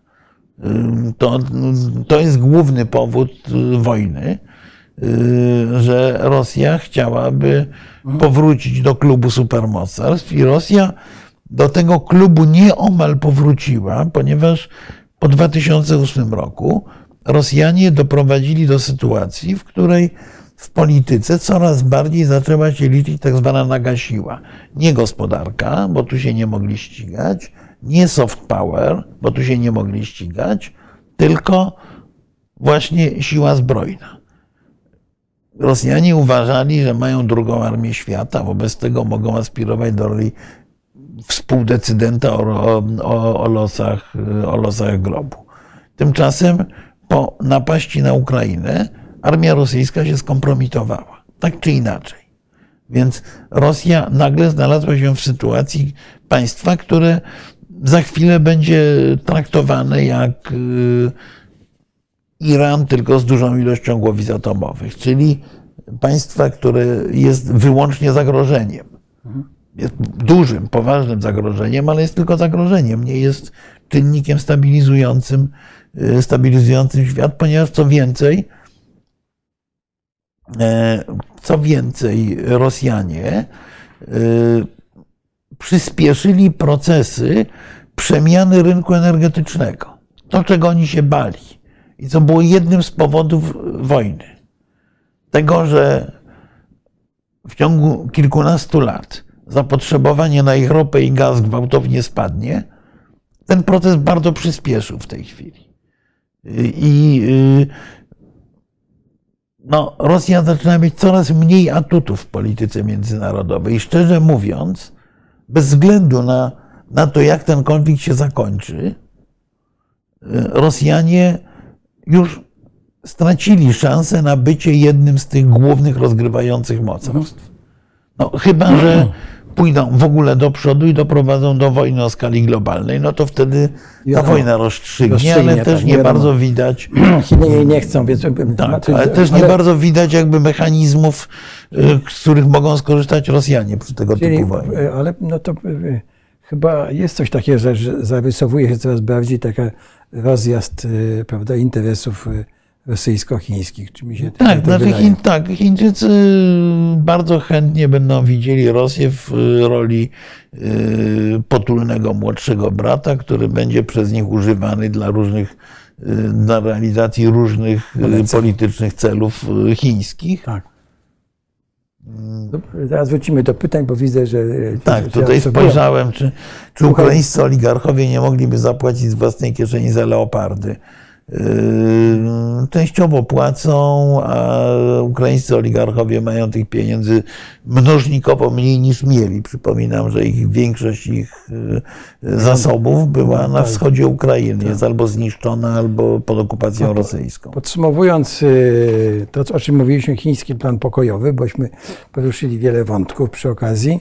Ja jeszcze chciałem zwrócić uwagę, że tam ani razu nie pada e, słowo wojna, pada No, kryzys ukraiński. Tak, w nie, ogóle nie, nie. pada słowo Rosja. Nie, nie, nie. Więc e, to jeszcze tylko świadczy o tym, e, że, No, ten, że, to jest, ten- że to jest plan Chin, chiński dla tak. Chin, a nie Znaczy, żaden plan tak, pokojowy. Też, no też Chiny chcą się wobec tego No, ale południa. Chińczycy nie. No, Chińczycy przede wszystkim y, ogłaszając ten rzekomy plan pokojowy, y, bardzo prosto oni chcieli zaznaczyć, my jesteśmy mocarstwem globalnym.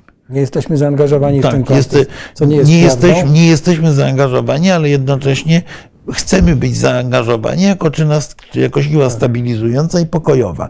Bo jak nie, to Amerykanie ich wepchną, na co mają dużą ochotę cały czas, yy, mm, wepchną ich do tej nowej osi zła i wymuszą na pozostałych sojusznikach, yy, choćby z bólem, żeby zaczęły ograniczać handel z Chinami. A to dla Chin jest yy, no, dramatyczne yy, zupełnie rozwiązanie, bo to, yy, to, to spowoduje bardzo. Chiny już są na progu kryzysu wewnętrznego, a objęcie ich jakimikolwiek sankcjami tak naprawdę pro- sprowadziłoby ten kryzys wewnętrzny do rozmiarów, na którymi mogą nie zapanować. No, czyli jednym słowem, dokument, chiński plan to jest taki no, troszkę zasłona dymna, troszkę taki, Tak. no, w zasadzie trochę bezczelny dokument, no bo są zaangażowani w tę wojnę, popierają, popierają agresora, co byśmy nie powiedzieli, prawda, w jakimś sensie. Tak. Znaczy mówię, no, popierają, ale popierają miękko. No, nawet w tym głosowaniu w ONZ oni się tylko wstrzymali. Oni się tylko wstrzymali, tak. Dobrze, to teraz mamy, słuchaj, pomimo wojny, jeszcze do niej wrócimy, bo chciałbym zostawić czas na pytania. Przemówienie Putina w Moskwie. Przemówienie Putina, y, ja muszę powiedzieć, że po pierwsze, y, szczerze mówiąc, zirytowałem się, ponieważ żadna polska stacja y, telewizyjna nie transmitowała tego przemówienia. No, ja, ja wiem, ale znowu wychodzi, rozumiesz, nas, w ogóle ono, ono było jako, omówione tak pobieżnie, że, że Tak, to, to wychodzi ale- jakiś nasz prowincjonalizm. Nie, no ale y, wy, wychodzi takie wykonywanie głupich gestów, głupich, y, bo, bo oczywiście wiem, że stacje telewizyjne się najzwyczajniej w świecie bały, że zostaną oskarżone, że są e, tutaj tubami ruskiej propagandy. Tak. Tymczasem no, trudno, yy, trudno nie, nie, nie zauważyć, że to, co mówi przeciwnik, wróg, jakbyśmy nie definiowali Rosji, no jesteśmy w, yy, rzeczywiście w złych stosunkach, to tego trzeba słuchać szczególnie uważnie. Bardzo. Ale Każde słowo się liczy. No. tak, y, więc wysłuchałem koniec końców przemówienia Putina w y, serwisie BBC, tylko w bardzo złym tłumaczeniu na angielski niestety. Y, I, Ja mam Deutsche Welle, ale tej nie, znaczy nie miałem angielskiej stacji. y, i y, ja powiem tak, y, to przemówienie było przemówieniem w mojej ocenie rozpaczliwym. To było rozpaczliwe przemówienie, bo Putin opowiadał o podwyżkach dla emerytów, o dwutygodniowym urlopie dla żołnierzy, który jest potrzebny. No, przywódca państwa, które toczy wojnę i wygłaszający przemówienie na temat wojny tak naprawdę, przecież wszyscy tego oczekiwali, się spodziewali, na temat tej wojny w istocie poza różnymi głupotami nie powiedział nic albo prawie nic. Znaczy opowieści o tym, że Amerykanie yy, mają laboratoria biologiczne w pogranicznych regionach Ukrainy, yy, to jest powtórzenie słynnej opowieści, że w Gruzji Amerykanie mają laboratorium, gdzie hodują komary, które mają yy, zainfekować ludność Rosji. Bo to już ta, ta historia wcześniej była. E, Jest sporo innych tego typu, tego typu elementów w tym tekście, natomiast Władimir Putin nie odpowiedział na jedno proste pytanie, podstawowe. Jak zamierza zakończyć tę wojnę? On nie powiedział, że zamierza zdobyć Ukrainę. On mówi, że wygramy, wygramy, wygramy ten y, i tyle. Więc te ponure twarze całej elity politycznej. Rosji, która go słuchała, były w istocie obrazem tego, że ci ludzie, ci ludzie nie dostali od swojego przywódcy żadnej odpowiedzi na to, co dalej. Dostali odpowiedź, że będziemy budowali linie kolejowe, urlopy dawali, podwyższali emerytury. No, yy, chwila. To, jest, yy, to nie jest odpowiedź na kluczowe pytania. Nie było zarysowania obrazu Rosji w świecie. Proszę zwrócić uwagę. Nie padło ani, nie pojawił się żaden przyjaciel Rosji. Nie było Chin, nie było Indii, nie było krajów trzeciego świata, nie było. Putin nie mówił w ogóle o tym, z kim Rosja się przyjaźni. Wymienił paru wrogów, tak? To, to jest przemówienie rozpaczy. Jest, mamy wrogów, ale my się będziemy trzymać, podniesiemy emeryturę i damy dwa tygodnie urlopu. No, da, dla ludzi z y, państwa, którzy ma, dla ludzi, którzy mają świadomość, że ich państwo wchodzi w kryzys, bo mają taki, taką świadomość, y, szeroko rozumiane elity rosyjskie, czyli rosyjska klasa średnia plus y, elita władzy, no to jest, y, to jest rozpacz.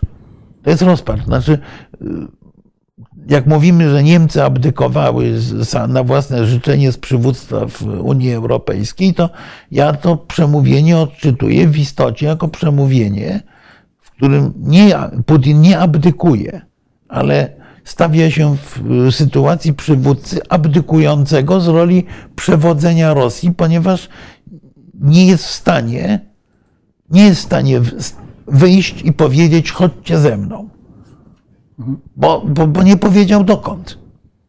Nie powiedział w ogóle, jak mają iść. Zwyciężymy. Super. No, tylko jak? Czy chcemy zdobyć Kijów? Czy chcemy dotrzeć do polskiej granicy? Tak jak mówią propagandyści. Tak, nie, ale nie, bo propagandyści rosyjscy mówią, dochodzimy do polskiej granicy, bombardujemy Warszawę, wiemy, tak. coś tam jeszcze. No, dobra, no, no, więc gro, groźby można wygłosić. On nawet gruźb nie wygłosił tak naprawdę. Gdzieś ta broń atomowa się tam pojawiła w, w tle jako ta broń, którą ma ten niedobry Zachód i tyle. też nie powiedział, ja, uderzymy w Waszyngton. No bo mógł to powiedzieć, dobrze. Wszyscy by się złapali za głowę, ale to była jakaś wizja. Ale nie powiedział również, że, będzie, że chcemy pokoju. Nie, to, to się też nie pojawiło. To była opowieść pod tytułem Będzie tak, jak jest. A to wymówienie Chwila. No, to, to mówi przywódca kraju, który aspiruje do roli światowego mocarstwa. Przemówienie rozpaczliwe. Władimir Putin jest politykiem, Może który założymy, może założymy takie przegrał. biura, że będziemy pisać, słuchaj, e, przemówienia między innymi Putinowi za, za pieniądze dla Ukrainy. Będziemy je przekazywać. No. E, Wygłasza co? Ja- Myślę, że by nie chciał takiego przemówienia. Właśnie znaczy kłopot jest w tym, że ja, ja mam wrażenie, że Władimir Putin, który nie jest głupkiem, e, jest człowiekiem, który ma świadomość poniesionej Co, klęski. co, co, co On między Co wywołał? ale nie, między innymi dlatego napadł na Ukrainę, że on ma świadomość poniesionej klęski. Bo do, przychodził do władzy z pomysłem modernizacji Rosji. To był cel Władimira Putina. Rosja jako su- wielkie mocarstwo. Nie żaden nowy Związek Sowiecki. Rosja wielkie mocarstwo. Oczywiście Rosja, która zagarnie połowę Ukrainy, połowę Białorusi, yy, jedną trzecią Kazachstanu, bo to jest przecież Rosja. To tak, ale ta Rosja ma być nowoczesnym mocarstwem. Wy, Polacy, macie tu, będziecie tu przyjeżdżali do Petersburga, bo tu będzie centrum mody, centrum kultury, centrum nowocze- nowoczesnych technologii. No co z tego wyszło? Nic. I Putin sobie zdał sprawę, że z tego nic nie wyszło. I wtedy, kiedy zdał sobie z tego sprawę, że z tego nic nie wyszło i że nie, nie ma, nie potrafi zmodernizować Rosji, to doszedł do wniosku, że jedynym sposobem jest polityka agresji. Jedynym sposobem, po pierwsze, żeby podtrzymać poparcie społeczne, ale po drugie, jedynym sposobem utrzymania wewnętrznej dynamiki państwa rosyjskiego. Wobec czego staje się antypiotrem I. Jego wzorcem jest Piotr I, do niego zresztą odwoływał w tym przemówieniu, prawda? Piotr I to jest ktoś, kto zmodernizował Rosję i wprowadził Rosję, to o czym też kiedyś rozmawialiśmy Wiele już tutaj, tak. wprowadził Rosję do świata zachodu. Tak. Tymczasem, co zrobił Putin? Łada z y, szybami na korbkę y, według projektu sprzed 40 lat, bo Silnik- takie w tej chwili produkujemy. Tak, produkujemy w tej chwili Niwę według starego projektu. I Rosja wykluczona tak naprawdę ze świata zachodniego. Więc kompletna porażka. Czyli to polityce zagranicznej mamy odepchnąć NATO jak najdalej od granic Rosji. No to jest teraz 200 kilometrów od Murmańska, czy 150 w Finlandii. Prawda? Czy prawie jest, no ale za chwilę będzie. jednym słowem y, wracam. Będzie na Ukrainie, bo Ukraina de facto jest już częścią natowskiego systemu bezpieczeństwa. Wszystko na odwrót. I Putin występuje z przemówieniem o emeryturach. No Jezus Maria. No, Ja rozumiem, dlaczego z takim przemówieniem wystąpił, ale to przemówienie jest de facto śpiewem rozpaczy.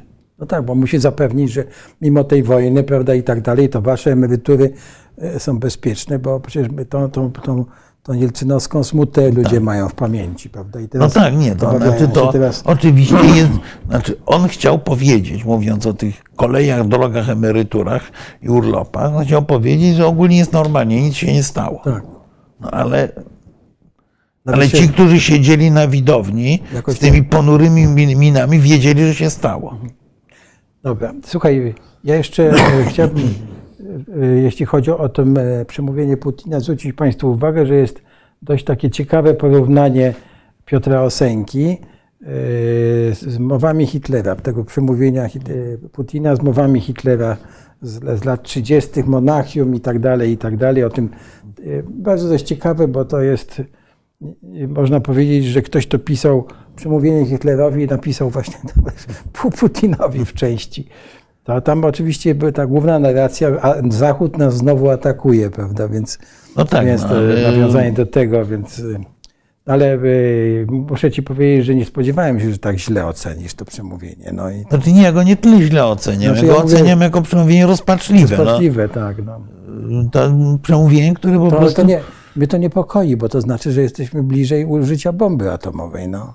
Znaczy i tak i nie, bo, bo, bo, bo właśnie nie, nie mówi o tej bombie atomowej, ta, a z kolei e, tutaj e, za ręce będą go trzymać Chińczycy i będą go trzymać trochę własne, e, własne elity. Bo ja się zgadzam z analizami, które mówią, że nie ma w tej chwili podstaw na, na, na pałacowy zamach stanu. Natomiast są dwa powody, które mogą doprowadzić do usunięcia Putina przez jego otoczenie. Jeden to jest porażka.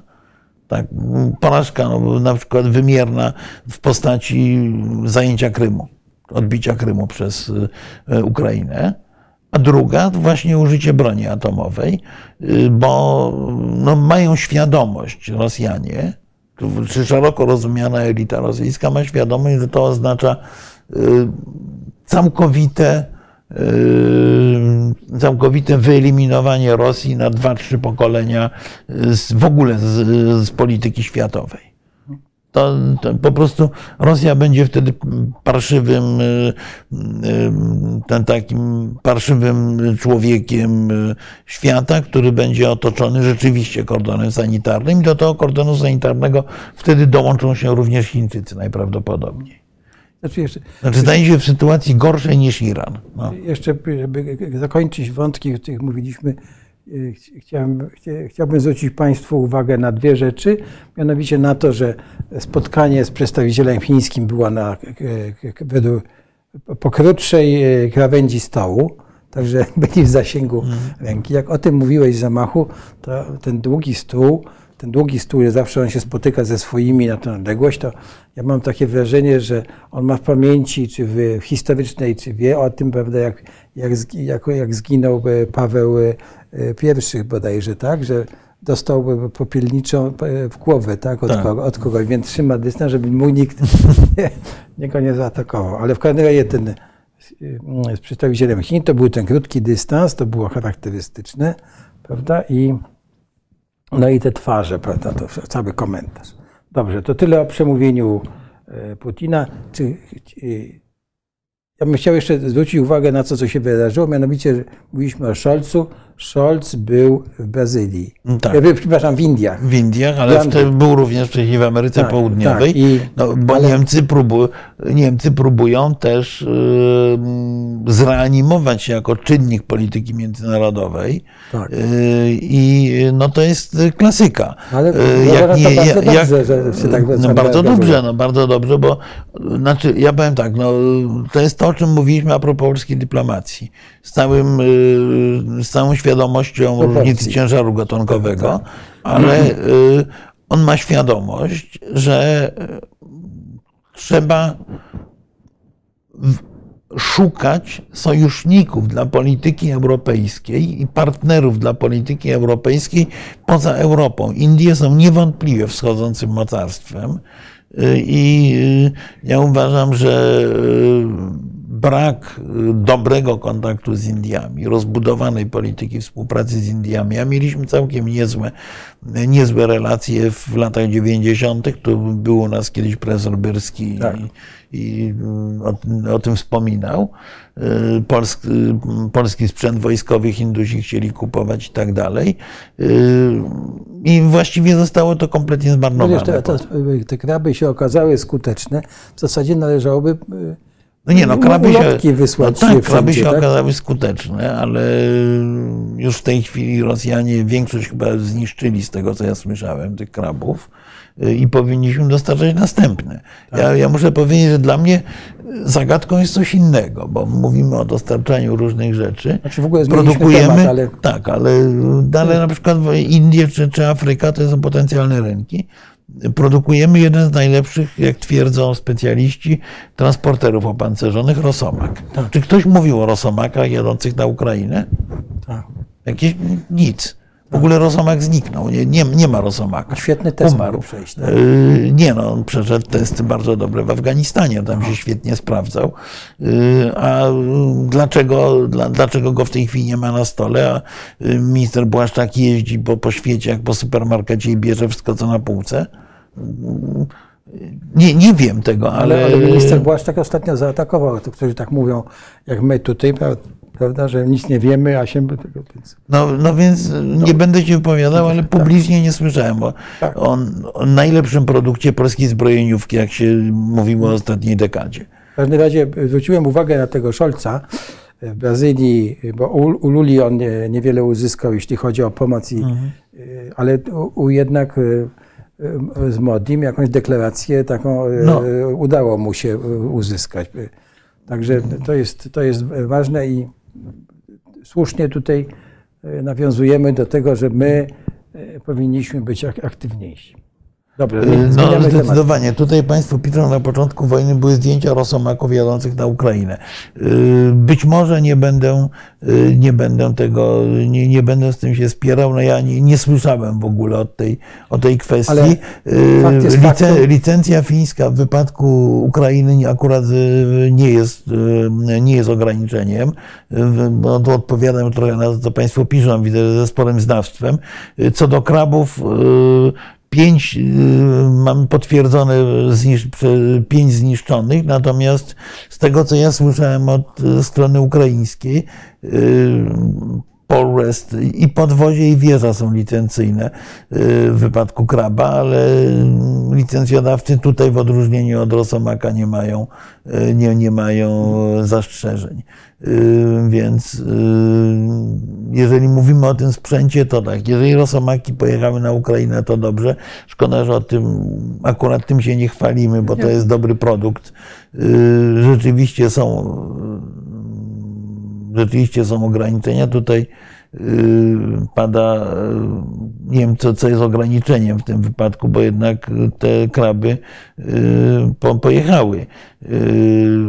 Te, te kraby pojechały na Ukrainę, więc nie wiem jakie jest to ograniczenie. Rzeczywiście krab jest sklejką z licencyjnego sprzętu, nieco podrasowaną, ale Rosomak też jest bardzo znacząco prze, przebudowany.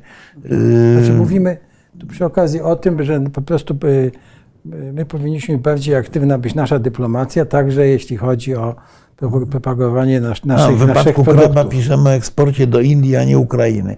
Tu istotnie może być problem, bo, bo krab jeździ na, na koreańskim podwoziu. Znaczy, krab jest tym samym, co kupujemy, tylko w gorszej wersji od, y, od Koreańczyków, no, naj, najkrócej mówiąc. Dobra. Y, Więc Tak, ale y, w każdym razie fakt jest faktem, że powinniśmy być No, ak- w po- ak- aktywniejsi. Nie, no, na całym świecie mm, po prostu spece od przemysłu zbrojeniowego. Ale nie mylmy, tak jest, y, zgadzam się, nie kraba z rosomakiem są kompletnie inne, inne licencje, innego typu, pro, innego typu produkty. Y, Nie, nie chcę już wchodzić w szczegóły technologiczne Tak. sprzętu wojskowego, bo ja odwołałem się głównie do tego właśnie, że ten ja jakoś cisza o rosomaku. A w wypadku krabów właśnie mi przyjaciele z Ukrainy mówili, że, że ostatnio y, poza tymi pięcioma potwierdzonymi zniszczeniami jest y, y, sporo bardzo uszkodzonych. Rosjanie znaleźli jakiś sposób, żeby, żeby trafiać w kraby. Nie, to w ogóle- Tego wcześniej nie umieli, ale znowu no, rozmowa o szczegółach Dobra. y, uzbrojenia i szczegółach wojny jest poruszaniem się w mgle wojny, gdzie jesteśmy narażeni na powtarzanie różnych albo fake newsów, albo wiadomości niesprawdzonych. Tu, tutaj trochę, to, tro, trochę szkoda, mm, szkoda rzeczywiście dyskusji. Generalny wniosek jest jeden, że myśmy powinni no, na całym świecie szefowie zbrojeniówki po prostu już nie, nie, nie mają miejsca w swoich gabinetach na korki po szampanie, bo, bo, bo mają tyle zamówień, Y, a nasza zbrojeniówka nie potrafi się podnieść z y, upadku, w którym się od wielu lat znajduje. Dobrze. Czy mamy jeszcze coś, do, do, zanim przejdziemy do pytań, czy już przechodzimy do pytań? Przejdźmy do pytań, Dobrze, już dobrze, bo mamy tutaj... Nie Państwa to, dręczymy. To, tak, dręczymy Państwa, jedziemy na początek w takim razie. Cze- tego. Na część staraliśmy się odpowiedzieć, Tak. ale Yy, Dobrze, tutaj Dobrze, Arabia yy, Saudyjska przekaże pa- pakiet pomocowy w wysokości... tak, to jako, jako zaczęliśmy o nowa tym mówić. wiadomość, tak. y, y, myślę, że to jest dowód na to, że Saudyjczycy y, uznali, że dalsza współpraca z Rosją y, w windowaniu cen ropy, przepraszam, windowaniu cen ropy y, y, nie jest, y, y, nie, nie jest już dla niej opłacalna, no najkrócej Tak, mówiąc. jeśli, jeśli to nie jest fake, to tutaj bym widział dwa aspekty, to ceny ropy, no i jednak niebezpieczny Iran. No i Iran, Tak, oczywiście. oczywiście. No, bo, Znaczy, ta, tak, samo jak, tak samo zresztą jak y, pojawiające się informacje, że za chwilę Netanyahu pojedzie do Kijowa. Tak, no zobaczymy, czy yy, co się stanie. Yy, Co panowie sądzą o dokumencie sugerującym, że Białe... No to już, to już odnosiliśmy się, że to, to jest oczywisty, oczywisty plan rosyjski. To w ogóle poza, po, po, poza sporem jest pytanie, w jaki sposób Rosjanie to chcą wykonać i czy jesteśmy w stanie, my jako kolektywny Zachód, się temu efektywnie przeciwstawić. Tak, ale zwróciliśmy uwagę na to, że e, Łukaszenka e, jedzie do Chin, co może być związane z tym planem, który się teraz u, u, poka- u, No, ujawnił. ale on cały czas Chiny traktował trochę jako taki pakiet ratunkowy, bo Tak, on ale- y, oczywiście jest y, głęboko uzależniony od Rosji, ale on bardzo nie chce być gubernatorem, on lubi być prezydentem, Tak. y, czy głową państwa. Prezydentem nie jest legalnie, ale głową państwa, czy, czy, przy, szefem państwa, przy czym wydaje się, że Łukaszenka albo zostanie usunięty przez Rosjan w ramach aneksji, albo zostanie usunięty przez własny naród, jeżeli, jeżeli Rosjanie nie będą mieli wystarczającej siły, żeby go obronić. Chodzi mi o to, że e, jeśli Chińczycy go e, zgodzili się na tę wizytę, no to, to jest, jest to jakiś sygnał. No? Chińczycy zgodzili się na tą wizytę trochę właśnie po to, żeby pokazać Rosjanom, że może jednak to anektowanie Białorusi nie jest dobrym pomysłem. Tak. E, Arabia jest sojusznikiem Stanów No tak, Zjednoczonych. tak, tak. No No, to- to- No formalnie, formalnie jest, jest największym kupcem Tak, ale- amerykańskiej broni i tak, dalej. To, ale, to, to ale oczywiste. zwróćmy uwagę, prawda, że jednak e, w tej chwili te e, relacje nie są łatwe, prawda, że Salman e, No tak, ale, gen, ale no, generalnie. wyżywa się na Stanach Zjednoczonych. Tak, no ale generalnie rzecz biorąc, y, dostawa broni, czy to pomoc dla Ukrainy jest, y, nie dostawa broni, ale pomoc, pomoc dla Ukrainy jest y, rzeczywiście no, w interesie Arabii Saudyjskiej. O. No tak, zboże u nas zostało, kwestia zboża jest kwestią niesłychanie trudną. Rzeczywiście, rzeczywiście to zboże, y, mówiliśmy o, no, do, przy planie chińskim o tych dostawach zboża. Rzeczywiście tego zboża y, zostaje w Polsce dużo. No, są, krążą różne pomysły, jak się temu przeciwstawić, bo, no bo za chwilę nasi rolnicy zaczną mieć z tym poważny kłopot, już mają trochę y, bo Polska powinna być drogą transportową w kierunku Afryki Ameryki Południowej. A oczywiście, oczywiście mnóstwo ludzi próbuje na tym robić ciemne interesy. Y, Trzeba się dopracować, ale to jest, powiedziałbym generalnie, trzeba się dopracować opcji y, dobrego kontrolowania i sprawnego użytkowania szlaków, szlaków eksportowych przez Polskę dla Ukrainy. Tak czy inaczej. Yy, Większa, większa niż yy, przed wojną część yy, ukraińskiego handlu będzie szła przez Polskę i powinniśmy się do tego dostosować i jak każdy normalny kraj jeszcze na tym zarabiać. Tak, tutaj pan pisze, pani Irena, kleszcze mogą być bronią biologiczną, wszystko może być bronią biologiczną. Kleszcze też, ja ostatnio e, odbyłem ogromną dyskusję z panem myśliwym, e, który twierdził właśnie, że ta e, i bolerioza, i babesjoza, która jest pierwotniakiem przenoszonym przez kleszcze i śmiertelnym dla, dla psów, że to są że to są amerykańskie produkty. tak, ten pan myśliwy twierdził. Pani Maja Włodarczyk pyta o rzecz ważną. Tak. Jak się odcięcie ropy dla Polski przez Rosję? No, Tak. e, niewątpliwie jest to e, bardzo duże wsparcie wizerunkowe dla e, prezesa Obajtka, który, bo, bo, bo do tej pory rzeczywiście po prostu był to wstyd nieprawdopodobny. Kupowaliśmy za grube miliardy ropę od Rosji, a jedno, jednocześnie gardłując, że No my jesteśmy pierwszymi, którzy, którzy wprowadzają Tak, to było- to było- Przypominam, to 4 miliardy y, rocznie, y, po, już po wszystkich ograniczeniach płaciliśmy za rosyjską ropę i, i mieliśmy płacić jeszcze przez dwa lata, więc odcięcie y, tran, tranzytu, o ile ono będzie na dłuższą metę, to co prawda nieznacznie, ale zwiększy koszty, natomiast y, y, natomiast no przynajmniej przynajmniej nam trochę wstydu zmniejszy, a poza tym być może wymusi y, rozsądną współpracę z Niemcami, bo Niemcy wielokrotnie wyrażali zainteresowanie, żeby y, importować ropę również przez polskie porty z użyciem rurociągu przyjaźń, więc, więc może, może stracimy na tym mniej niż by się wydawało, że stracimy. Tutaj pan Marcin y, nam mówi, że panowie, ale Rosja praca, Rosjanie, czy Rosja pracowała nad nową generacją broni atomowej o małym wybuchu, to by podobno było problematyczne dla NATO, bo NATO nie pracowało nad taką generacją broni atomowej. Czyli kontrolują e, drabinę eskalacyjną. E, e, Znaczy, Ro- Rosjanie pracowali nad wieloma rzeczami. Rzeczywiście w zakresie broni taktycznej Rosjanie mają jej najwięcej.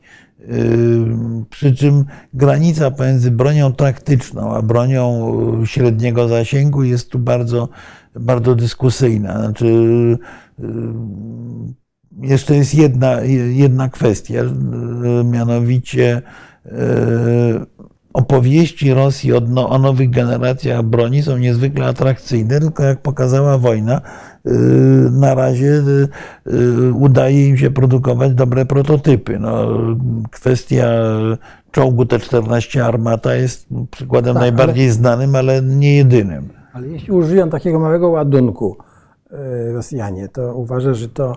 y, Znaczy, oni mają bardzo małe ładunki, nawet bo oni mają nawet y, pociski artyleryjskie. Tak, ale jeśli go użyją, czy to, czy to będzie w.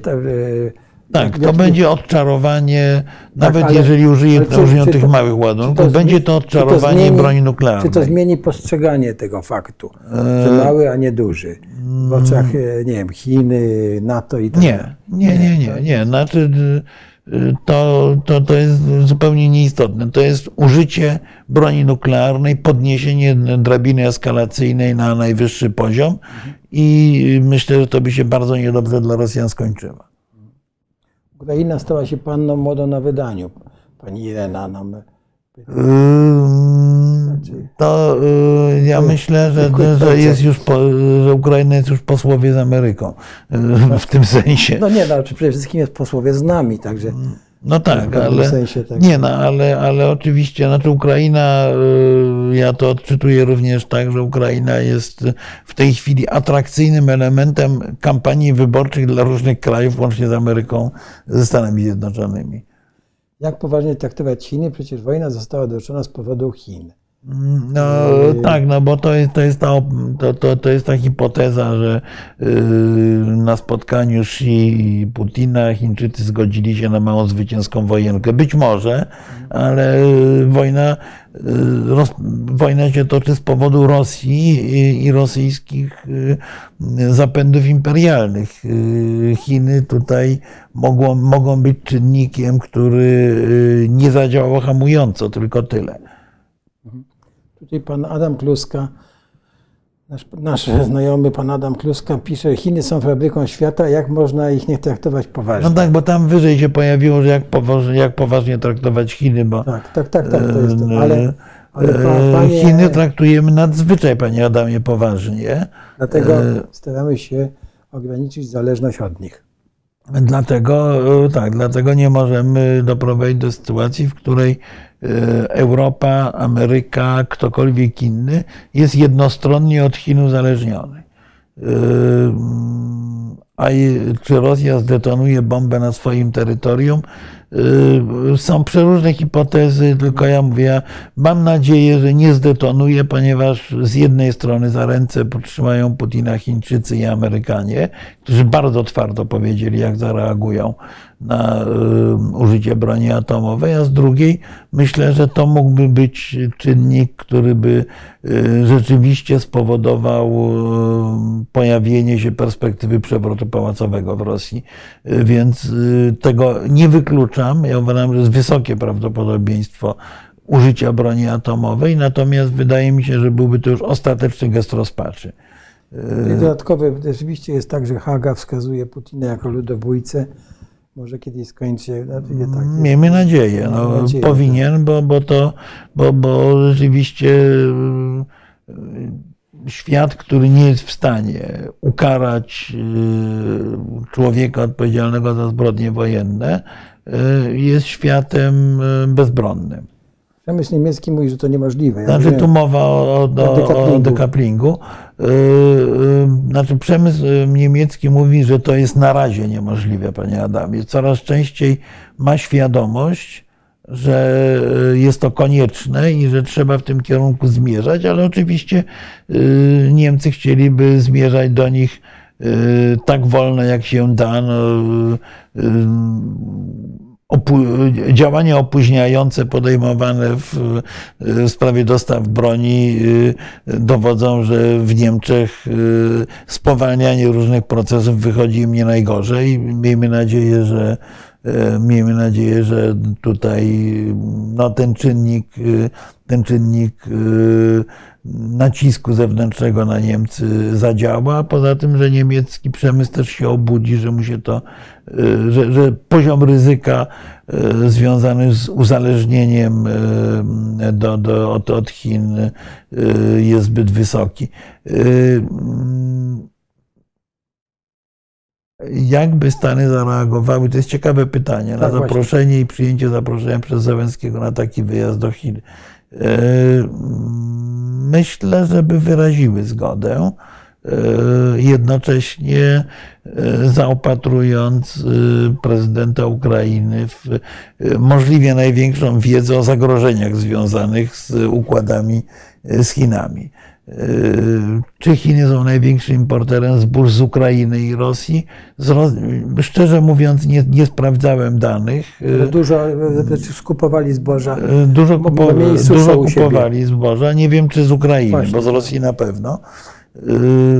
Y, A tutaj pan Adam dodaje, że eksporterem wysokich technologii. Otóż jest to kolejny mit, panie Adamie. Tak, wszystkiego. Chińczycy są ekspor, nie są ekspo- eksporterem, tylko monterem y, wysokich technologii. Chiny wciąż jeszcze y, są y, krajem, który ma spore kłopoty y, z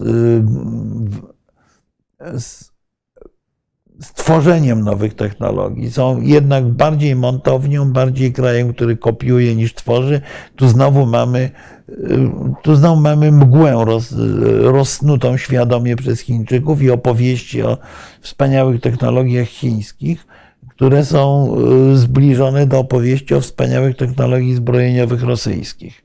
Y, Być może ale nic nie wskazuje na to, że Chiny nie są uzależnione technologicznie wciąż od Zachodu. Yy, Wydaje mi się, że bardziej prawdopodobne jest to drugie, że to jednak Stany Zjednoczone czy kolektywny Zachód w ogóle yy, pozostają liderami wysokich technologii i- że Chińczycy wciąż jeszcze są uzależnieni yy, od, od, od Zachodu. Ich zachowania zresztą wskazują, że tak jest. Yy, Także z tym eksportem wysokich technologii to ja bym nie przesadzał. Yy, Przekonamy się, bo, bo zmierzamy w kierunku wyraźnego yy, ograniczenia handlu z Chinami. Stany Zjednoczone też myślą ekonomicznie. A jak miałem myśleć? No, No oczywiście, że Oczywiście tak. myślą ekonomicznie i, i e, ta, nawet ten spływ z Unią Europejską o ten, o ten e, akt e, Nie, no, Inflation Redu- Reduction Act y, prawda, jest, o tym świadczy. No, że nie, no anegdota jest, znaczy anegdota, no, autentyczne wydarzenie, ale trochę anegdotycznie brzmiące. Bardzo wysokiej rangi urzędnik amerykański, z którym jadłem obiad, rozmawialiśmy po naszym udzi- udziale w inwazji na Irak. No, kiedy ja mówię, yy, mówię yy, mojemu rozmówcy, że no dlaczego yy, nie dajecie nam jakiegoś kawałka tego tortu ekonomicznego w Iraku, mamy tu całkiem niezłe pomysły i tak dalej, i tak dalej, odpadła odpowiedź, no i że wsparliśmy was, etc. Na co mój, mój rozmówca odpowiedział, wiesz co, Ameryka to jest supermocarstwo handlowe. Jak coś możemy dostać za darmo, to bierzemy. Yy, I i oczywiście myślą ekonomicznie. Dobrze, pani Irena pisze, że z tym dekaplingiem y, wychodzi na to, że całe te bajania klasycznych liberałów o misiach mikro, małe i średnie to zwykłe bzdety. W handlu zagranicznym liczą się duże koncerny chyba tu chodzi, bo jak przywinę to nie widzę. Nie. Korpokoncerny. Tak. I tak i nie. Tak i nie. Pani Ireno, ja na przykład ostatnio usiłowałem kupić latarkę polską, yy, bo nie chcę kupować chińskiej. No i było napisane, że latarka jest, proszę pani, polska. Piękna la- latarka yy, z magnesem, w ogóle ładowana e, przez telefon, może służyć jako bank, e, powerbank dla telefonu. W ogóle wysłałem 10 na, na, na Ukrainę, bo tam jest potrzebna. Ładowana e, i y, no była Polska, ale y, było na- napisane małymi druczkiem, prawda, że była y, za- zaprojektowana w Polsce, wy- wykonana w Chinach tam y, w w 20 czy 30 procentach, a, a, a reszta w Polsce. Więc i to była kooperacja, ta firma polska, jak już potem Ale to szukałem. i tak niesamowite. dzie- 10, 10 osób zatrudnia, więc i, i, i, Nie, no ja, ja już, e, wiesz, ja, powiem coś innego. Ja już e, nie wierzę w e, to, że cokolwiek nie jest robione w Chinach, jak kiedyś, nie tak dawno, w Zakopanem, kupując pamiątkową ciupagę, przeczytałem na niej Made in China. Więc to, to, to jest oczywiste, ale właśnie dlatego powinniśmy powinniśmy e, rzeczywiście zmierzać w kierunku dekuplingu, bo e, okaże się, że tak jak obudziliśmy się z przeproszeniem z ręką w nocniku, uzależnieni od, rosyjskiej, od rosyjskich surowców energetycznych. I odejście od tego okazało się strasznie kosztowne, tak strasznie kosztowne może się okazać odejście od tego uzależnienia od Chin, zarówno w zakresie eksportu, jak i produkcji chińskiej, więc zresztą świat zaczyna mieć tego świadomość. E, Ja przypomnę, że e, wspominany tu już przez nas prezydent Turcji dwukrotnie już występował z tezą, że Turcja jest gotowa przejąć część produkcji, e, czy zastąpić część produkcji chińskiej produkcją wykonywaną w Turcji. Myślę, że wiele krajów i być może to jest również pewna szansa, na przykład dla niektórych krajów afrykańskich, żeby, które też mają bardzo tanią siłę roboczą, żeby tam została przeniesiona część tej najbardziej prymitywnej produkcji, która była wykonywana, wykonywana w Chinach. Takie myślenie toczy się naprawdę na całym Zachodzie, w całych elitach zachodnich. Chińczycy mają tego świadomość i dlatego y, próbują się y, w tej chwili przebierać y, w strój takiego, ta, ta, ta, takiego niezwykle życzliwego i pożytecznego misia pandy, który broń Boże nikomu nie zagraża. Zwróćcie Państwo uwagę, że cały model chińskiej wilczej dyplomacji zaczyna zamierać. Chińczycy zaczynają być w swoim języku komunikacyjnym dużo bardziej kooperatywni niż jeszcze byli parę miesięcy temu, więc oni sobie zdają sprawę, że to się dzieje. A pani Irena pi- pisze, no co się stanie, e, jeśli Ukraina nie zaprosi Chin do odbudowy. No, bądźmy szczerzy, decyzje na temat odbudowy Chin będą decyzjami podejmowanymi wspólnie przez Chiny, NATO i Unię Europejską, bo bezpieczeństwo Ukrainy, nie przez Chiny, tylko przez Ukrainę, NATO i Unię Europejską, ponieważ bezpieczeństwo Ukrainy jest uzależnione na lata od wsparcia amerykańskiego, natowskiego i europejskiego. A to jest dla Ukrainy w oczywisty sposób, e, w oczywisty sposób e, mm, absolutnie kluczowa kwestia i będzie przez wiele lat. E, Co się stanie, jeśli Ukraina przyjmie chiński plan pokojowy? Nie przyjmie, bo jak wyżej, nie, po pierwsze nie jest to plan, a po drugie, a po drugie to nie Ukraina może mo- mogłaby przyjąć jakikolwiek chiński plan, tylko ewentualnie Stany Zjednoczone.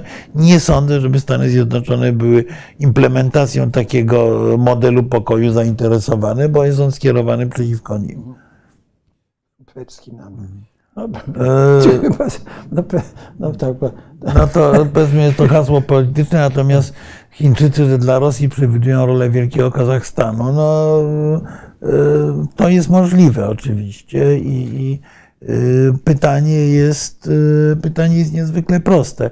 Y, Czy Rosjanie sobie z tego zdają sprawę? Bo y, z Rosjanami jest ten kłopot, że oni y, tak jak nie wierzą w istnienie narodu ukraińskiego, tak pogardzają Chińczykami, bo uważają, że Chiny, y, znaczy patrzą na Chiny y, y,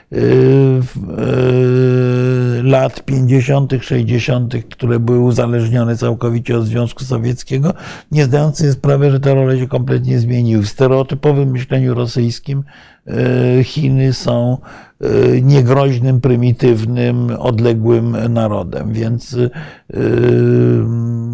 nie jestem pewien, czy Rosjanie zdają sprawę z tego, że stają się pomału satelitą chińskim, a stają się, to jest prawda. Ten komisarz partyjny to chyba się odnosi do jakiejś innej części. Nie, to jest, y, to poprawiłeś mnie mówiąc, ja mówię Mhm, minister tak. spraw zagranicznych. Mhm, tak. Tutaj Pan, pan e, Wa- Warze Wangi, tak. mm. to jest za, za późno, to, to, to, Chiny, Rosja, Europa nie potrzebują Ukrainy. No, e, nie jestem pewien jak z Chinami, też, też nie byłbym stuprocentowo pewny. Na pewno Rosja i Europa potrzebują Ukrainy, ponieważ to jest kraj, który tak naprawdę przeważa e, mm, balans sił e, na kontynencie europejskim. Jeżeli, ta, zresztą to mówił Zbigniew Brzeziński. No, Po tej stronie, po której jest Ukraina, e, ciężar gatunkowy jest na tyle duży, że jest w stanie narzucić partnerami, par- partnerowi swoje, swoje Znaczy, mo- decyzje. Możemy sobie mówić, y, czy potrzebują Ukrainy, czy nie potrzebują, ale y, wydarzył się taki ciekawy proces, bo zobacz, co się y, w Europie stało, prawda? W, ostatnim, y, w ostatnich y, dwu- 150 Tak, latach po, powstało wiele nowych państw, wiele nowych narodów uzyskało swoje państwa, tak? Czechy, y, y, później Czechosłowacja, potem Czechy i Słowacja, y, i, i, no, no, i myśmy wrócili, prawda? I tak dalej, i tak dalej. I, to jest, I ten proces się toczy cały czas. To jest ciekawe tak z Znaczy- punktu znaczy widzenia ja- ja- Ukrainy, znaczy, Ukraińcy, którzy, przecież my w II Rzeczpospolitej, no, żeśmy sobie nie wyobrażali w ogóle w II Rzeczpospolitej, prawda, że będzie państwo ukraińskie. No jak, Piłsudski, no jak to, marszałek- przepraszam marszałek. cię bardzo, no, No, ale- całe pisarstwo bo, Włodzimierza Bączkowskiego, No tak, Adolfa ale- Bocheńskiego, najwybitniejszych Ale- znawców wschodu, przyjmowało założenie, że niepodległa Ukraina jest dla nas kluczowo, kluczowo ważna w Tak. budowaniu No i pozycji dobrze, i to, Polski. I to się stało w końcu, tak? Tak. tak? I, a teraz jeszcze zmagają się z tym problemem Rosjanie, tak? I no, będą musieli połknąć tę żabę, bo kurczę, przecież ta Ukraina nie będzie Nie, no istniała. to, będzie istniała. to, już jest, to, to już jest taka przesądzone. czy inna po Tak. prostu zaistnieje, tak? No. Znaczy mówię, no, je, jeżeli y, to, to, to, to, co powie, to, to, co powiedziała y, niemiecka minister spraw zagranicznych, ale jeszcze mocniej, bo tak naprawdę Tak. y, jeżeli Rosja przestanie strzelać, to będzie, to będzie pokój. Jak Ukraina przestanie, prze- przegra wojnę, to, to nie będzie Ukrainy, ale więcej, jeżeli nie będzie Ukrainy, to nie liczmy na to, że Rosja się zatrzyma to y, napaść rosyjska pójdzie dalej. E, Bo taka jest y, logika y, prymitywnego imperium. Ponieważ modernizacja się nie udała i się nie uda, to Rosja będzie musiała, y, zgodnie ze swoją logiką rozwojową, iść dalej, dalej kontynuować, y, y, da, dalej kontynuować y, politykę agresywną, politykę destabilizacji. Wobec tego świat Zachodu też nie ma wyjścia. Znaczy obrona Ukrainy jest obroną nas samych i na szczęście coraz więcej ludzi na Zachodzie to rozumie. Tak, tutaj mamy py- pytanie, no bo tam jeszcze ktoś wspomina o jakiejś aferze pedofilskiej, podkarpackiej i tak dalej, to e, różni, różni ludzie to... e, Nie, to, to, jakiś, Tutaj, tak, to, to ja jest tam- jakiś scenariusz. Leszek, Leszek Sykulski, pan Leszek Tak, nie, Sykulski nie, nie, bo to to jest, nie, bo to jest scenariusz, że Ukraina przyjmuje chiński plan, kończy się y, y, polityczny parasol amerykański, po, po, y, Polska zaczyna wo, wojnę z Rosją. No w ogóle- Y, no w ogóle to, to, to jest niesamowite taki, to, to jest, to, to, tak, no, znaczy, Znaczy, dzieją się różne rzeczy, ale mam, wra, mam wrażenie, że y, y, Dobra. mam wrażenie, że jest to political fiction nie najlepszych, y, Tak, najlepszej nie, nie, nie, nie najlepszej jakości. Może Rosja chciała po prostu umrzeć na własnych warunkach, może. Te, tego, tego bym nie wykluczał, ale, nie, ale mam wrażenie, że Rosjanom się wydawało, że prowadzą tak jak to powiedział kiedyś Mikołaj II, podobno jest to, po- podobno nie jest to źródło potwierdzone, ale, e, ale bardzo często cytowane, że wchodzili w tę wojnę w przekonaniu, że Rosja potrzebuje małej zwycięskiej wojenki. No, okazuje się, że ani mała, ani zwycięska. Tak, tutaj pan e, e, Michał pyta, e, dlaczego oli- oligarchowie Tak, nie leopardy. płacić, E, żeby, dlaczego my wszystkie koszty przynosi Polska, klasa, Klasa średnia, średnia. a ukraińskie miliardy są Znaczy, bezpieczne. ja mam wrażenie, że No, polska jest- klasa średnia nie ponosi wszystkich kosztów, zwłaszcza leopardów. E, Oligarchowie są za biedni, żeby zapłacić za- za leopardy, zwłaszcza, że gwałtownie zbiednieli.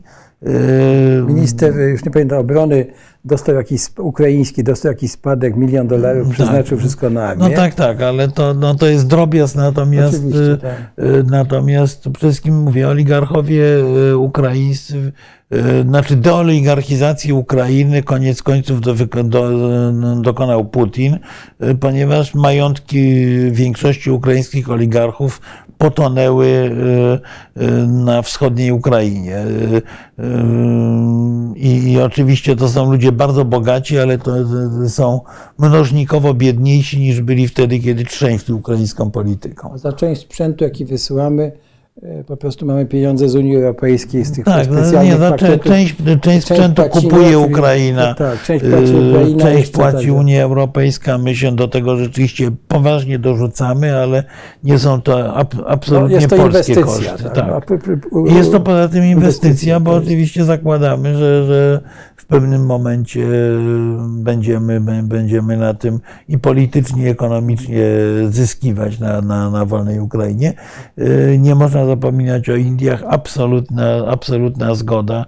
Yy, Uważam, że Indie są wschodzącym mocarstwem kluczowym dla, bez, dla, dla przyszłości świata i, yy, i na, na, na pewno nasza polityka wobec Indii powinna być dużo bardziej aktywna, no ale tu znowu to od, od dobrych paru miesięcy kiedyś w tej kwestii tutaj dyskutowaliśmy z profesorem Jelonkiem, potem, potem z profesorem Byrskim, także, ta, ta, także yy, tu przy tym stole o Indiach nie zapominamy, ale podpisujemy się pod tym, że Nawet- również politycy polscy nie powinni zapominać o Indiach. Tak, nawet żeśmy wy- wytknęli, że, że Scholz pojechał, a nikt z Polski nie pojechał, prawda? Tak.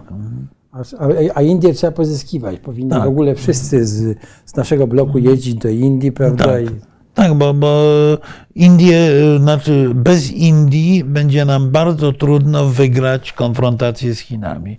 Jeżeli Scholz pojechał do Indii, to między innymi dlatego, że on wie, że prędzej czy później będzie musiał wejść w politykę dekoplingu, a Indie jest to rynek o y, skali i wielkości porównywalnej do Chin. jeśli chodzi o wyjazd Żeleńskiego do Chin, tośmy już y, mówili. Y, Indie mają za niską produkcję stali. 50, y, No owszem, no, no tylko, tylko to się zmienia. Przypominam, że w tym roku znaczy, w- wzrost gospodarczy Indii jest dwukrotnie szybszy niż Chin. Po raz pierwszy w historii. dziękujemy tutaj za e, słowa że, ana- analizie. Tak, no pan Adam przypomina, że Indie się też wstrzymają w tym głosowaniu, bo, Tak, Ind- no, tak. bo Hindusi cały czas usiłują siedzieć okrakiem na barykadzie. Tak, no bo Ale po, po, po, że- powiedzmy, że Hi- Hindusom ze względu na ich historyczny, jeden z najstarszych w ogóle y, konfliktów czy sporów cywilizacyjnych, to jest spór indyjsko-chiński. I y, Indie muszą być, y, ja bym powiedział, asekurowane przez sojusze i partnerów przed ewentualnym zagrożeniem chińskim.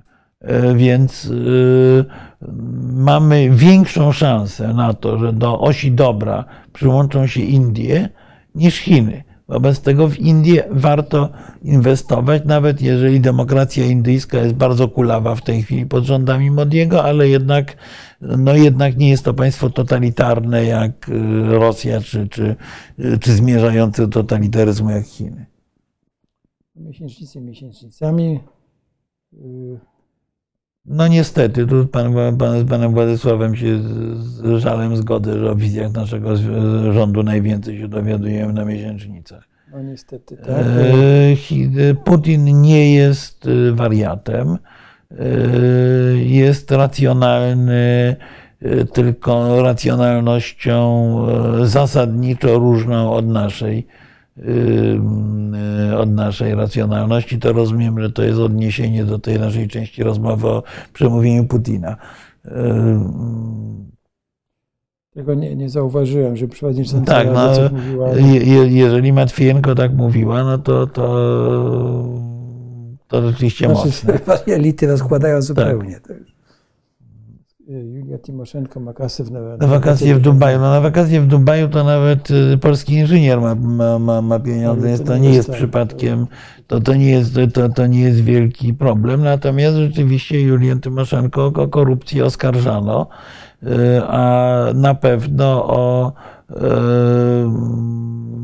powiedzmy ciemne interesy robione z Rosjanami na gazie, jeszcze zanim została premierem Ukrainy. Y, Rzeczywiście, y, rzeczywiście y, pod jej rządami no, korupcja na Ukrainie się nie, czuła nie najgorzej. No, no, no, niestety problemy, problemom, problemom korupcyjnym w tej chwili, tak naprawdę w tej chwili próbuje zaradzić dopiero Zełenski, bo, bo y, to wciąż był i jest problem na Ukrainie No i- kluczowy. No i ma ciągle prawda, te awantury w Senacie, prawda, czy Tak. w Kongresie o tym, żeby kontrolować lepiej. No nie, no bo, bo Y, prawda jest taka, że tak jak rozmawiam z ludźmi biznesu, którzy współpracują z Ukrainą, wciąż problemy korupcyjne bardzo poważne występują, no ale między innymi dlatego Zełenski powyrzucał e, całkiem sporo ministrów i myślę, że na tym się nie skończy. Tak, tutaj jest y, y, USA to potęga. No, y, gdyby taką były potęgą, to by nie, musiały prowadzić tak wielu zabiegów na całym świecie, więc może i są potęgą, ale zagrożoną. Więc i, i muszą, od, tak powiem, y, przywrócić do życia swoją dyplomację, więc y, ostatnio, proszę zauważyć, ten, udało się z Filipinami, co też Tak. E, Chińczykom jest nie w smak, prawda? Bo Chińcy zachowują się jako ostatnie łobuzy na tym Morzu Południowochińskim. Tak, tak, manowali tak, s- Te, te statki rybackie tych e, Filipińczyków. Nie, no tam napięcie jest na, na, na, naprawdę I- na granicy. I z, tutaj się odwołują do prawa międzynarodowego w tym, e, e, w tym planie pokojowym, tam, a tam na Morzu Południowochińskim to się odwołują prawda, do jakichś swoich praw sprzed dwóch tysięcy lat, że to było ich. Prawda? No to, tak, tak jak, nie wiem, byś się upominał o fragment pod, podwórka sąsiada, tylko pod, że- pod, pod pretekstem, że tam twoja babcia szczaw zbierała kiedyś. No.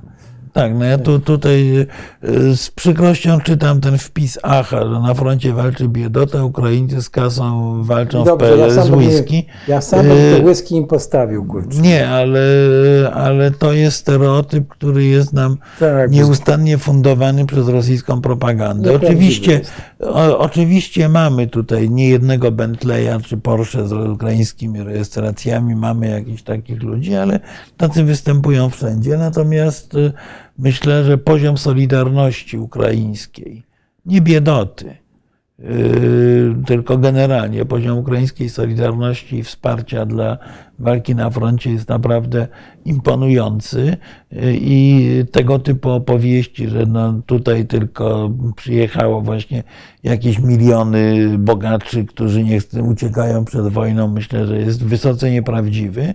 Yy, Na pewno takie pojedyncze osoby są, ale myślę, że bardziej pojedyncze niż zjawisko masowe. Zresztą zwróćcie Państwo uwagę na jedną rzecz, że ogromna część ukraińskich pracowników, mężczyzn pracujących w Polsce, w momencie jak e, wybuchła wojna, spakowała rzeczy i pojechała na Ukrainę. E, I nasi przedsiębiorcy, się. nasi, nasi Tak. przedsiębiorcy się trzymali za głowę i, mm, i, narzekali niesłychanie. Jak dzisiaj przeglądałem jakieś statystyki y, pracowników ukraińskich y, pracujących legalnie w Polsce, to 80% to są kobiety.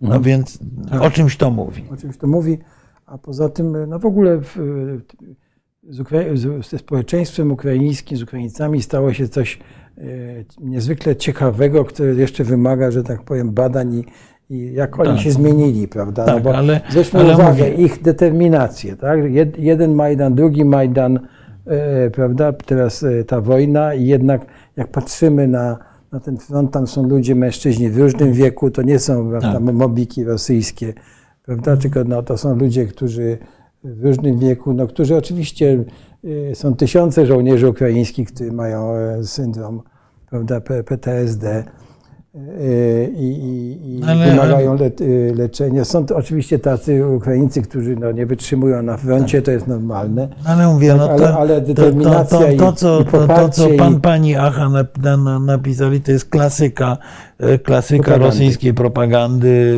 e, Tak. w, w ogromnej części nieprawdziwa. I mamy, czy czas działa na niekorzyść Ukrainy, silne Chiny mogą wspierać, Rosjanie są wytrwali, potrafią zmienić bieg historii na swoją korzyść, wielokrotnie im się to udawało. E,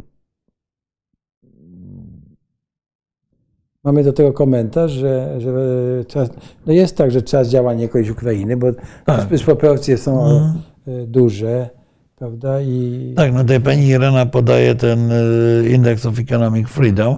E, Kraj znajdujący się w stanie wojny, tak jak Ukraina, no nie jest krajem największej wolności gospodarczej, co do tego nie ma wątpliwości. To, to się na pewno będzie e, to się na pewno będzie musiało zmienić, e, bo odbudowa Ukrainy będzie wymagała ogromnego wysiłku całego świata, a przypominam, że ten wysiłek e, świat zachodni zazwyczaj podejmuje wtedy, kiedy ma szansę na zyski, a szansę na zyski będzie miał wtedy, jak będzie działał w transparentnym i uczciwym otoczeniu. No, Tak. Proste, No, więc ogóle- e, rzeczy, że tak powiem, rzeczywistość wymyśli szybkie przyspieszenie w tego, tego indeksu wolności gospodarczej na, na, na Ukrainie, bo e, odbudowa nie będzie tym, czym są interesy w krajach trzeciego świata, gdzie rzeczywiście w krajach kompletnie dyktatorskich przeróżne e, koncerny, firmy, głównie surowcowe sobie hasają jak zające w kapuście, to tu jest potrzebna zmiana, odbudowa o charakterze gigantycznym, nieznanym chyba współczesnemu światu i systemowym. Y, Czy czas działa? Tak, ale, ale jak tylko chciałem dodać do tego, że proszę zwrócić uwagę, że mimo tej całej wojny, tak, Ukraina się trzyma. Znaczy, jeśli nawet po- po- pomijmy ten w ogóle robienie badań e, w czasie kraju, który jest ogarnięty wojną, niszczony i tak dalej, to moim zdaniem chyba nie, nie, nie, nie, nie no, trzeba odpowiednio interpretować wyniki, ale e, pensje są wypłacane, emerytury są ciągle na Ukrainie Tak. wypłacane, banki jakoś funkcjonują, prawda? Jakieś bankomaty są czynne. Tak. No, y, także nie- no nie jest tak źle z Ukrainą jeszcze. Y, Tak. Mimo tej wojny w ogóle można tylko y, oczy otwierać. Tak, znaczy. Polska sama przystąpi do wojny po stronie Ukrainy. Nie przystąpi na pewno, a tym bardziej nie wyleci z NATO.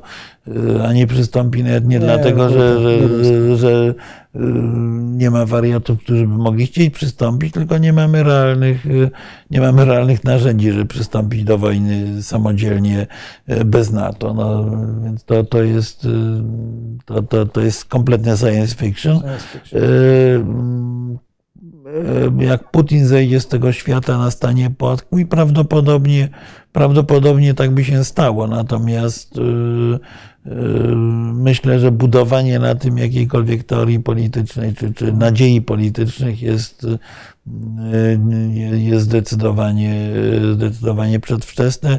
Czy ja bym powiedział inaczej, że y, odejście Putina, niekoniecznie zejście z tego świata, rzeczywiście jest warunkiem pokoju, bo dla, dla niego ten pokój, y, ten pokój jest z powodów y, politycznych i osobistych nie do przyjęcia rzeczywiście i on będzie tą wojnę ciągnął w nieskończoność. Natomiast, y, natomiast y, odejście, zejście, cokolwiek y, się stanie w wypadku przywódcy Rosji, istotnie jest, je- jest kluczowym warunkiem pokoju. Nie rozejmu, ale prawdziwego pokoju. Ale warunkiem prawdziwego pokoju na, w Ukrainie jest coś więcej. Jest zmiana sposobu myślenia przywództwa rosyjskiego, a to nie jest prosta rzecz. Słuchaj, mamy mało czasu, Mhm. może jeszcze dwa, dwa pytania wyłówmy, dobrze? Y,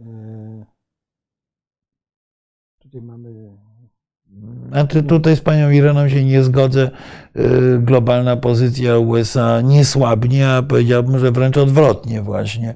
Y, Więc Tak, jest dużo oznak tego, że właśnie e, być może e, jest taki trend, e, że słabnie, tak, ale na razie mamy e, troszkę wzrost, Mhm, tak. prawda? I mamy sukcesy.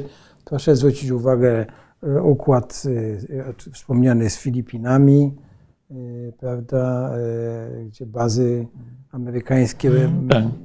będą mo- mogły Nie, być nie, nie, tak no nie tak no, dalej. Amerykanie odbijają się i gospodarczo, i politycznie. Tak. Wydaje się, że raczej pozycja amerykańska nie słabnie.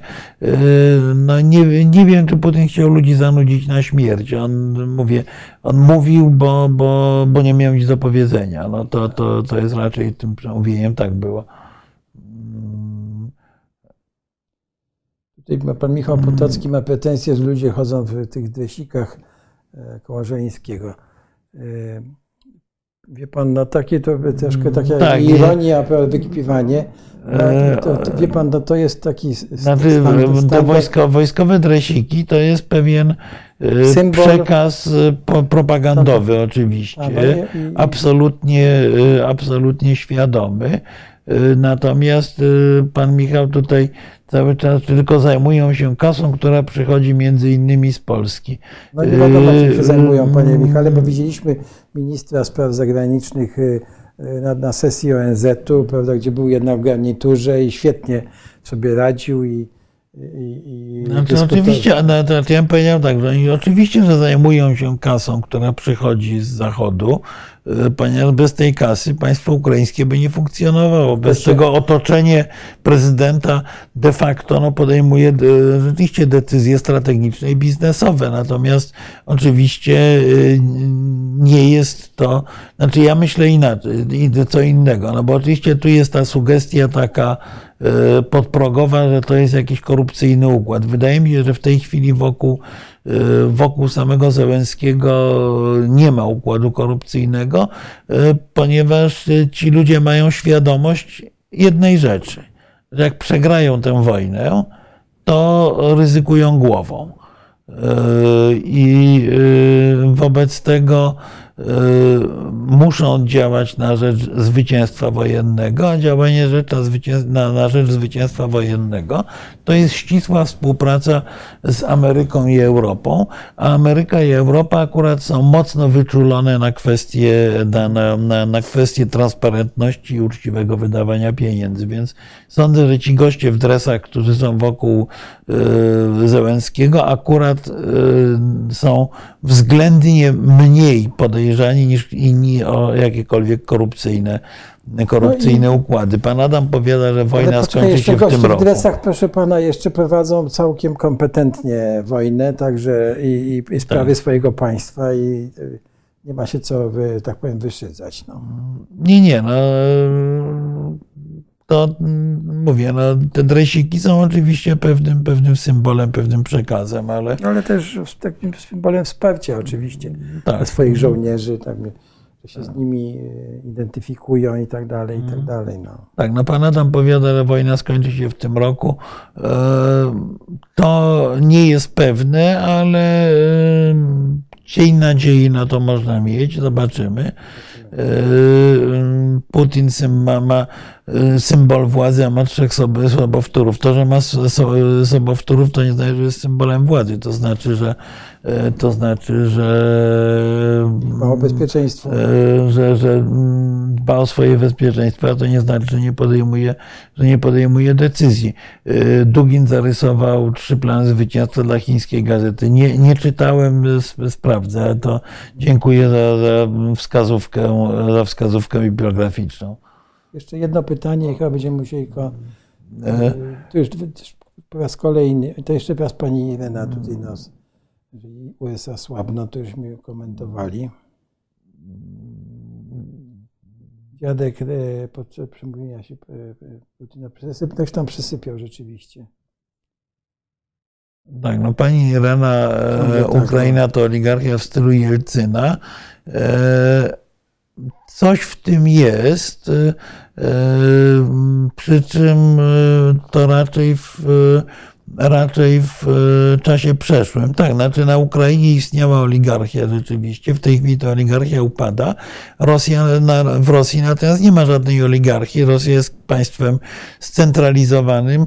Yy, Jestem skłonny twierdzić, że ci ludzie, których my definiujemy jako oligarchów, to nie są oligarchowie, to, jest, to są ludzie, którzy są e, menedżerami, menedżerami Tak. Putina, e, przebranymi za oligarchów. To znaczy, Są zależni od to znaczy e, e, majątki tych ludzi, oczywiście osobiste, bo poutykane na zachodzie są ogromne i, i, i bardzo mi się cieszył, gdybym miał tam 1% e, pieniędzy, które oni mają pochowane. Natomiast e, nie są to jakieś dziesiątki miliardów, bo te dziesiątki miliardów, podobnie tak jak w wypadku oligarchów ukraińskich, te dziesiątki miliardów to są zakłady przemysłowe, to, to, to, to, to są umowy handlowe i tak dalej, a to w Rosji jest całkowicie uzależnione od państwa. Na Ukrainie te, te, te firmy, które stanowiły trzon majątków, zostały zniszczone albo, albo są pod okupacją. Z kolei w Rosji, yy, co przypadek Chodorkowskiego pokazał dowodnie, yy, władza państwa może w dowolnym momencie każdego z tych tak zwanych oligarchów wywłaszczyć. Wobec tego są bardziej, yy, ba- bardziej zarządcami niż właścicielami. O, może tak. Mi się wydaje, Marku, że musimy My- Tutaj kończyć, pan Bartosz powiada rzecz ważną, e, że kryzys imigracyjny na granicy polsko-białoruskiej to element ruskiej wojny przeciwko nam. E, Zgoda. To jest element naj- najpierw białoruskiej, zresztą bardziej niż rosyjskiej, teraz bardziej rosyjskiej niż białoruskiej, e, wojny hybrydowej z Polską. Całkowita zgoda.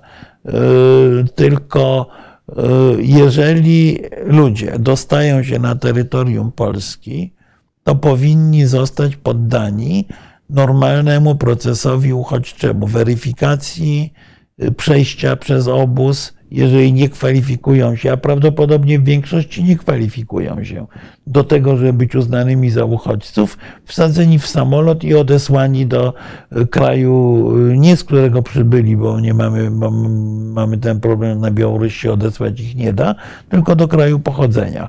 Y, To jest, y, to jest do, do, do, do, do załatwienia, natomiast cywilizowany kraj, przy czym ja powiem szczerze, to nie jesteśmy tu jedyni, bo y, setki, jeżeli nie tysiące trupów w Morzu Śródziemnym, y, ludzi, którzy próbowali dostać się do Włoch czy Grecji, są jeszcze większym problemem. Natomiast y, jest dla mnie jako Polaka obraźliwe, Rzeczpospolita Polska dopuszcza do tego, żeby ludzie, którzy uciekli na nasze terytorium, czy po to, żeby lepiej zarabiać, czy po to, że się czują prześladowani, nieistotne tak naprawdę, umierają w lesie wypychani przez nasze służby na, na stronę białoruską, na stronę e, państwa, które, no, które jest rządzone przez obrzydliwy, przez obrzydliwy reżim. I tylko tyle. Ja się- Niezależnie od tego, tak, e, ja, w jaki ja, sposób ja się, się w, pełni, w pełni się zgadzam, że y, jest to, jest to element wojny hybrydowej przeciwko Polsce, że jest to, są to piekielnie trudne decyzje. Natomiast mnie, jako obywatela Polski, po prostu to, że w Puszczy Białowieskiej leżą trupy ludzi, y, którzy chcieli do, uciekali do Polski po lepsze życie, tak czy inaczej, mnie to zwyczajnie obraża. No, mogę, nie mieć, mogę nie mieć racji, ale, ale tak, tak, tak to czuję. Chyba każdego przyzwoitego człowieka to obraża, tak między nami mówiąc. Słuchaj, bo, e, ja Tak, proponuję, no żebyśmy już tutaj zakończyli. pojawiła się kwestia. Tak. rozpadu Rosji, o tym już trochę rozmawialiśmy. No, y, oczywiście rozpad Rosji byłby y, interesującym eksperymentem y, politycznym, natomiast wydaje mi się, że, że jest to mało, jest to mało prawdopodobne w tej chwili.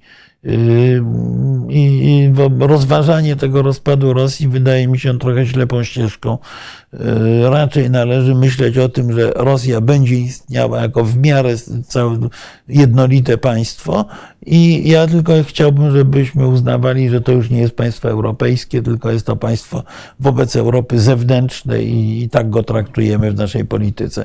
Nie wiem, czy jeszcze czegoś dalej nie mam. Możemy Jest jeszcze, ale już proponuję, to, żebyśmy zakończyli. to, bo... to spróbujmy jeszcze Tak spojrzeć. Czy...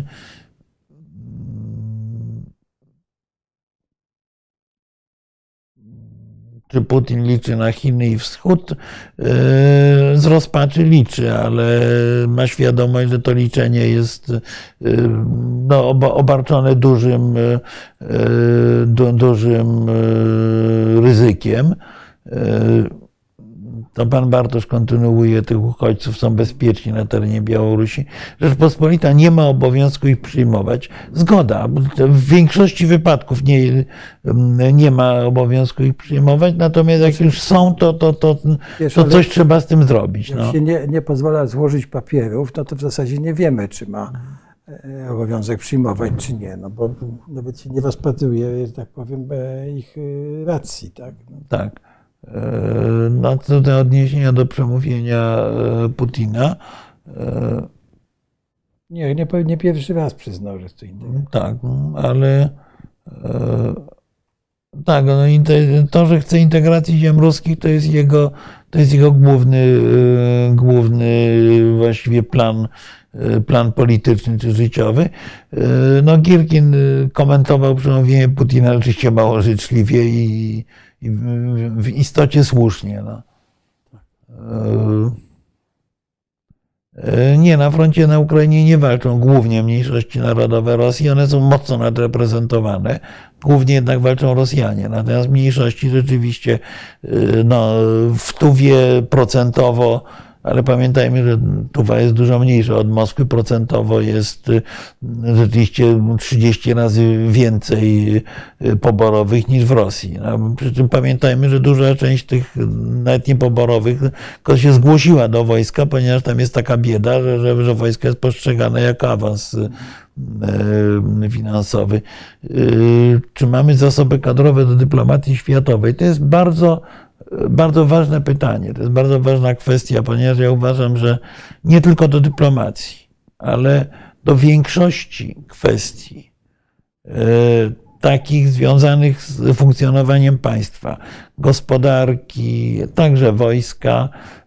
Mamy kadry, tylko te kadry w tej chwili zostały poszatkowane poprzez podziały polityczne, poprzez przeróżne wendety polityczne. A em, trzech różnych zespołów kadrowych, które można wymienić w całości, do prowadzenia którejkolwiek ze spraw y, polskich nie mamy. Wobec tego można powiedzieć tak, nie mamy zasobów kadrowych, ponieważ sami się ich przez własną głupotę pozbyliśmy.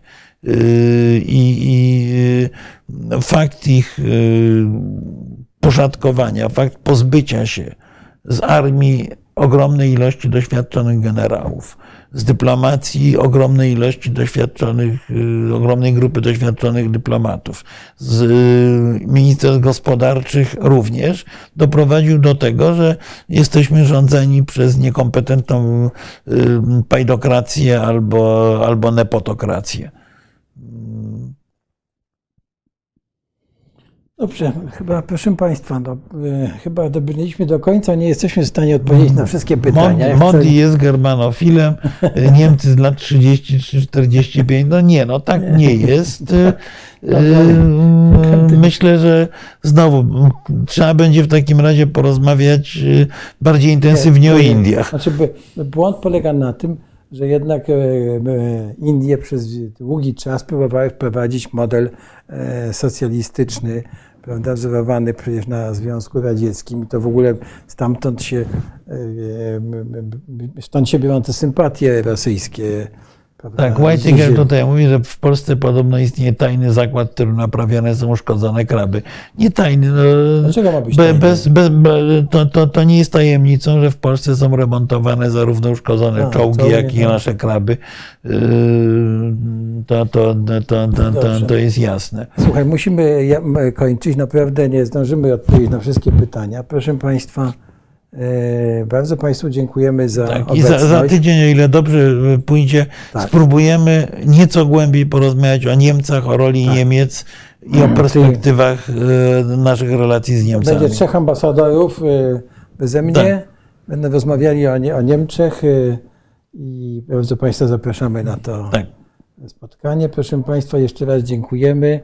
E, Prosimy o klikanie, prosimy o to, żeby oglądać, żeby pisać. e, Chcia- No I bardzo, bardzo, bardzo dziękujemy za y, bardzo ciekawe, ciekawe pytania, Tak. ciekawą dyskusję. No właśnie te, Tak. ta część, na którą częściowo nie udało się odpowiedzieć, również wskazuje, że y, macie Państwo znakomite kompetencje i też się uczymy, Tak. bo, Tak. y, bo, bo o tych rosomakach jadących na Ukrainę Tak, nie ale musimy wiedziałem. to po, posprawdzać. Chciałem, chciałem tylko zwrócić Państwa uwagę, że my, żeby się przygotować do tej rozmowy, żeby pokazać Państwu różnego rodzaju filmiki, no musimy śledzić, co kto mówi, musimy oglądać, prawda, czy, czytać y, jakieś bryki przemówień, żeby wyłapywać te najciekawsze rzeczy, które się dzieją, po prostu, żeby się z Państwem tym y, podzielić. Ale I sta, stara, staramy spo- się to robić na bieżąco i nie tylko, że się podzielić z Państwem, no ale poniekąd w ogóle z naszych obowiązków zawodowych też to częściowo wynika. Tak, tak. I proszę Państwa, także y, żegnamy się bardzo. Jeszcze ja, ja apeluję bardzo. tradycyjnie, żeby pomagać Ukrainie, pomagać Ukraińcom gdziekolwiek y, oni są, a nie pisać o tym, że siedzą tu i piją whisky. Nawet jeśli ją piją, to być może nie będą mieli dokąd wrócić i ich, ich rodziny, ich kraj jest naprawdę za, zagrożony, więc niech sobie piją. prawda? Tak, ale mówię, tu, tu mam, mam wrażenie, że ten, że, że ten konkretny dyskutant występował trochę w roli rosyjskiego trola, bo, bo, bo Tak. inne wpisy też były jakby z podobnej, z, z podobnej. Nie żałujmy innym e, ludziom, że mają lepsze samochody, prawda, bo to o niczym nie świadczy. Dziękujemy Państwu, bardzo, dziękuję dobranoc. Bardzo, dobranoc.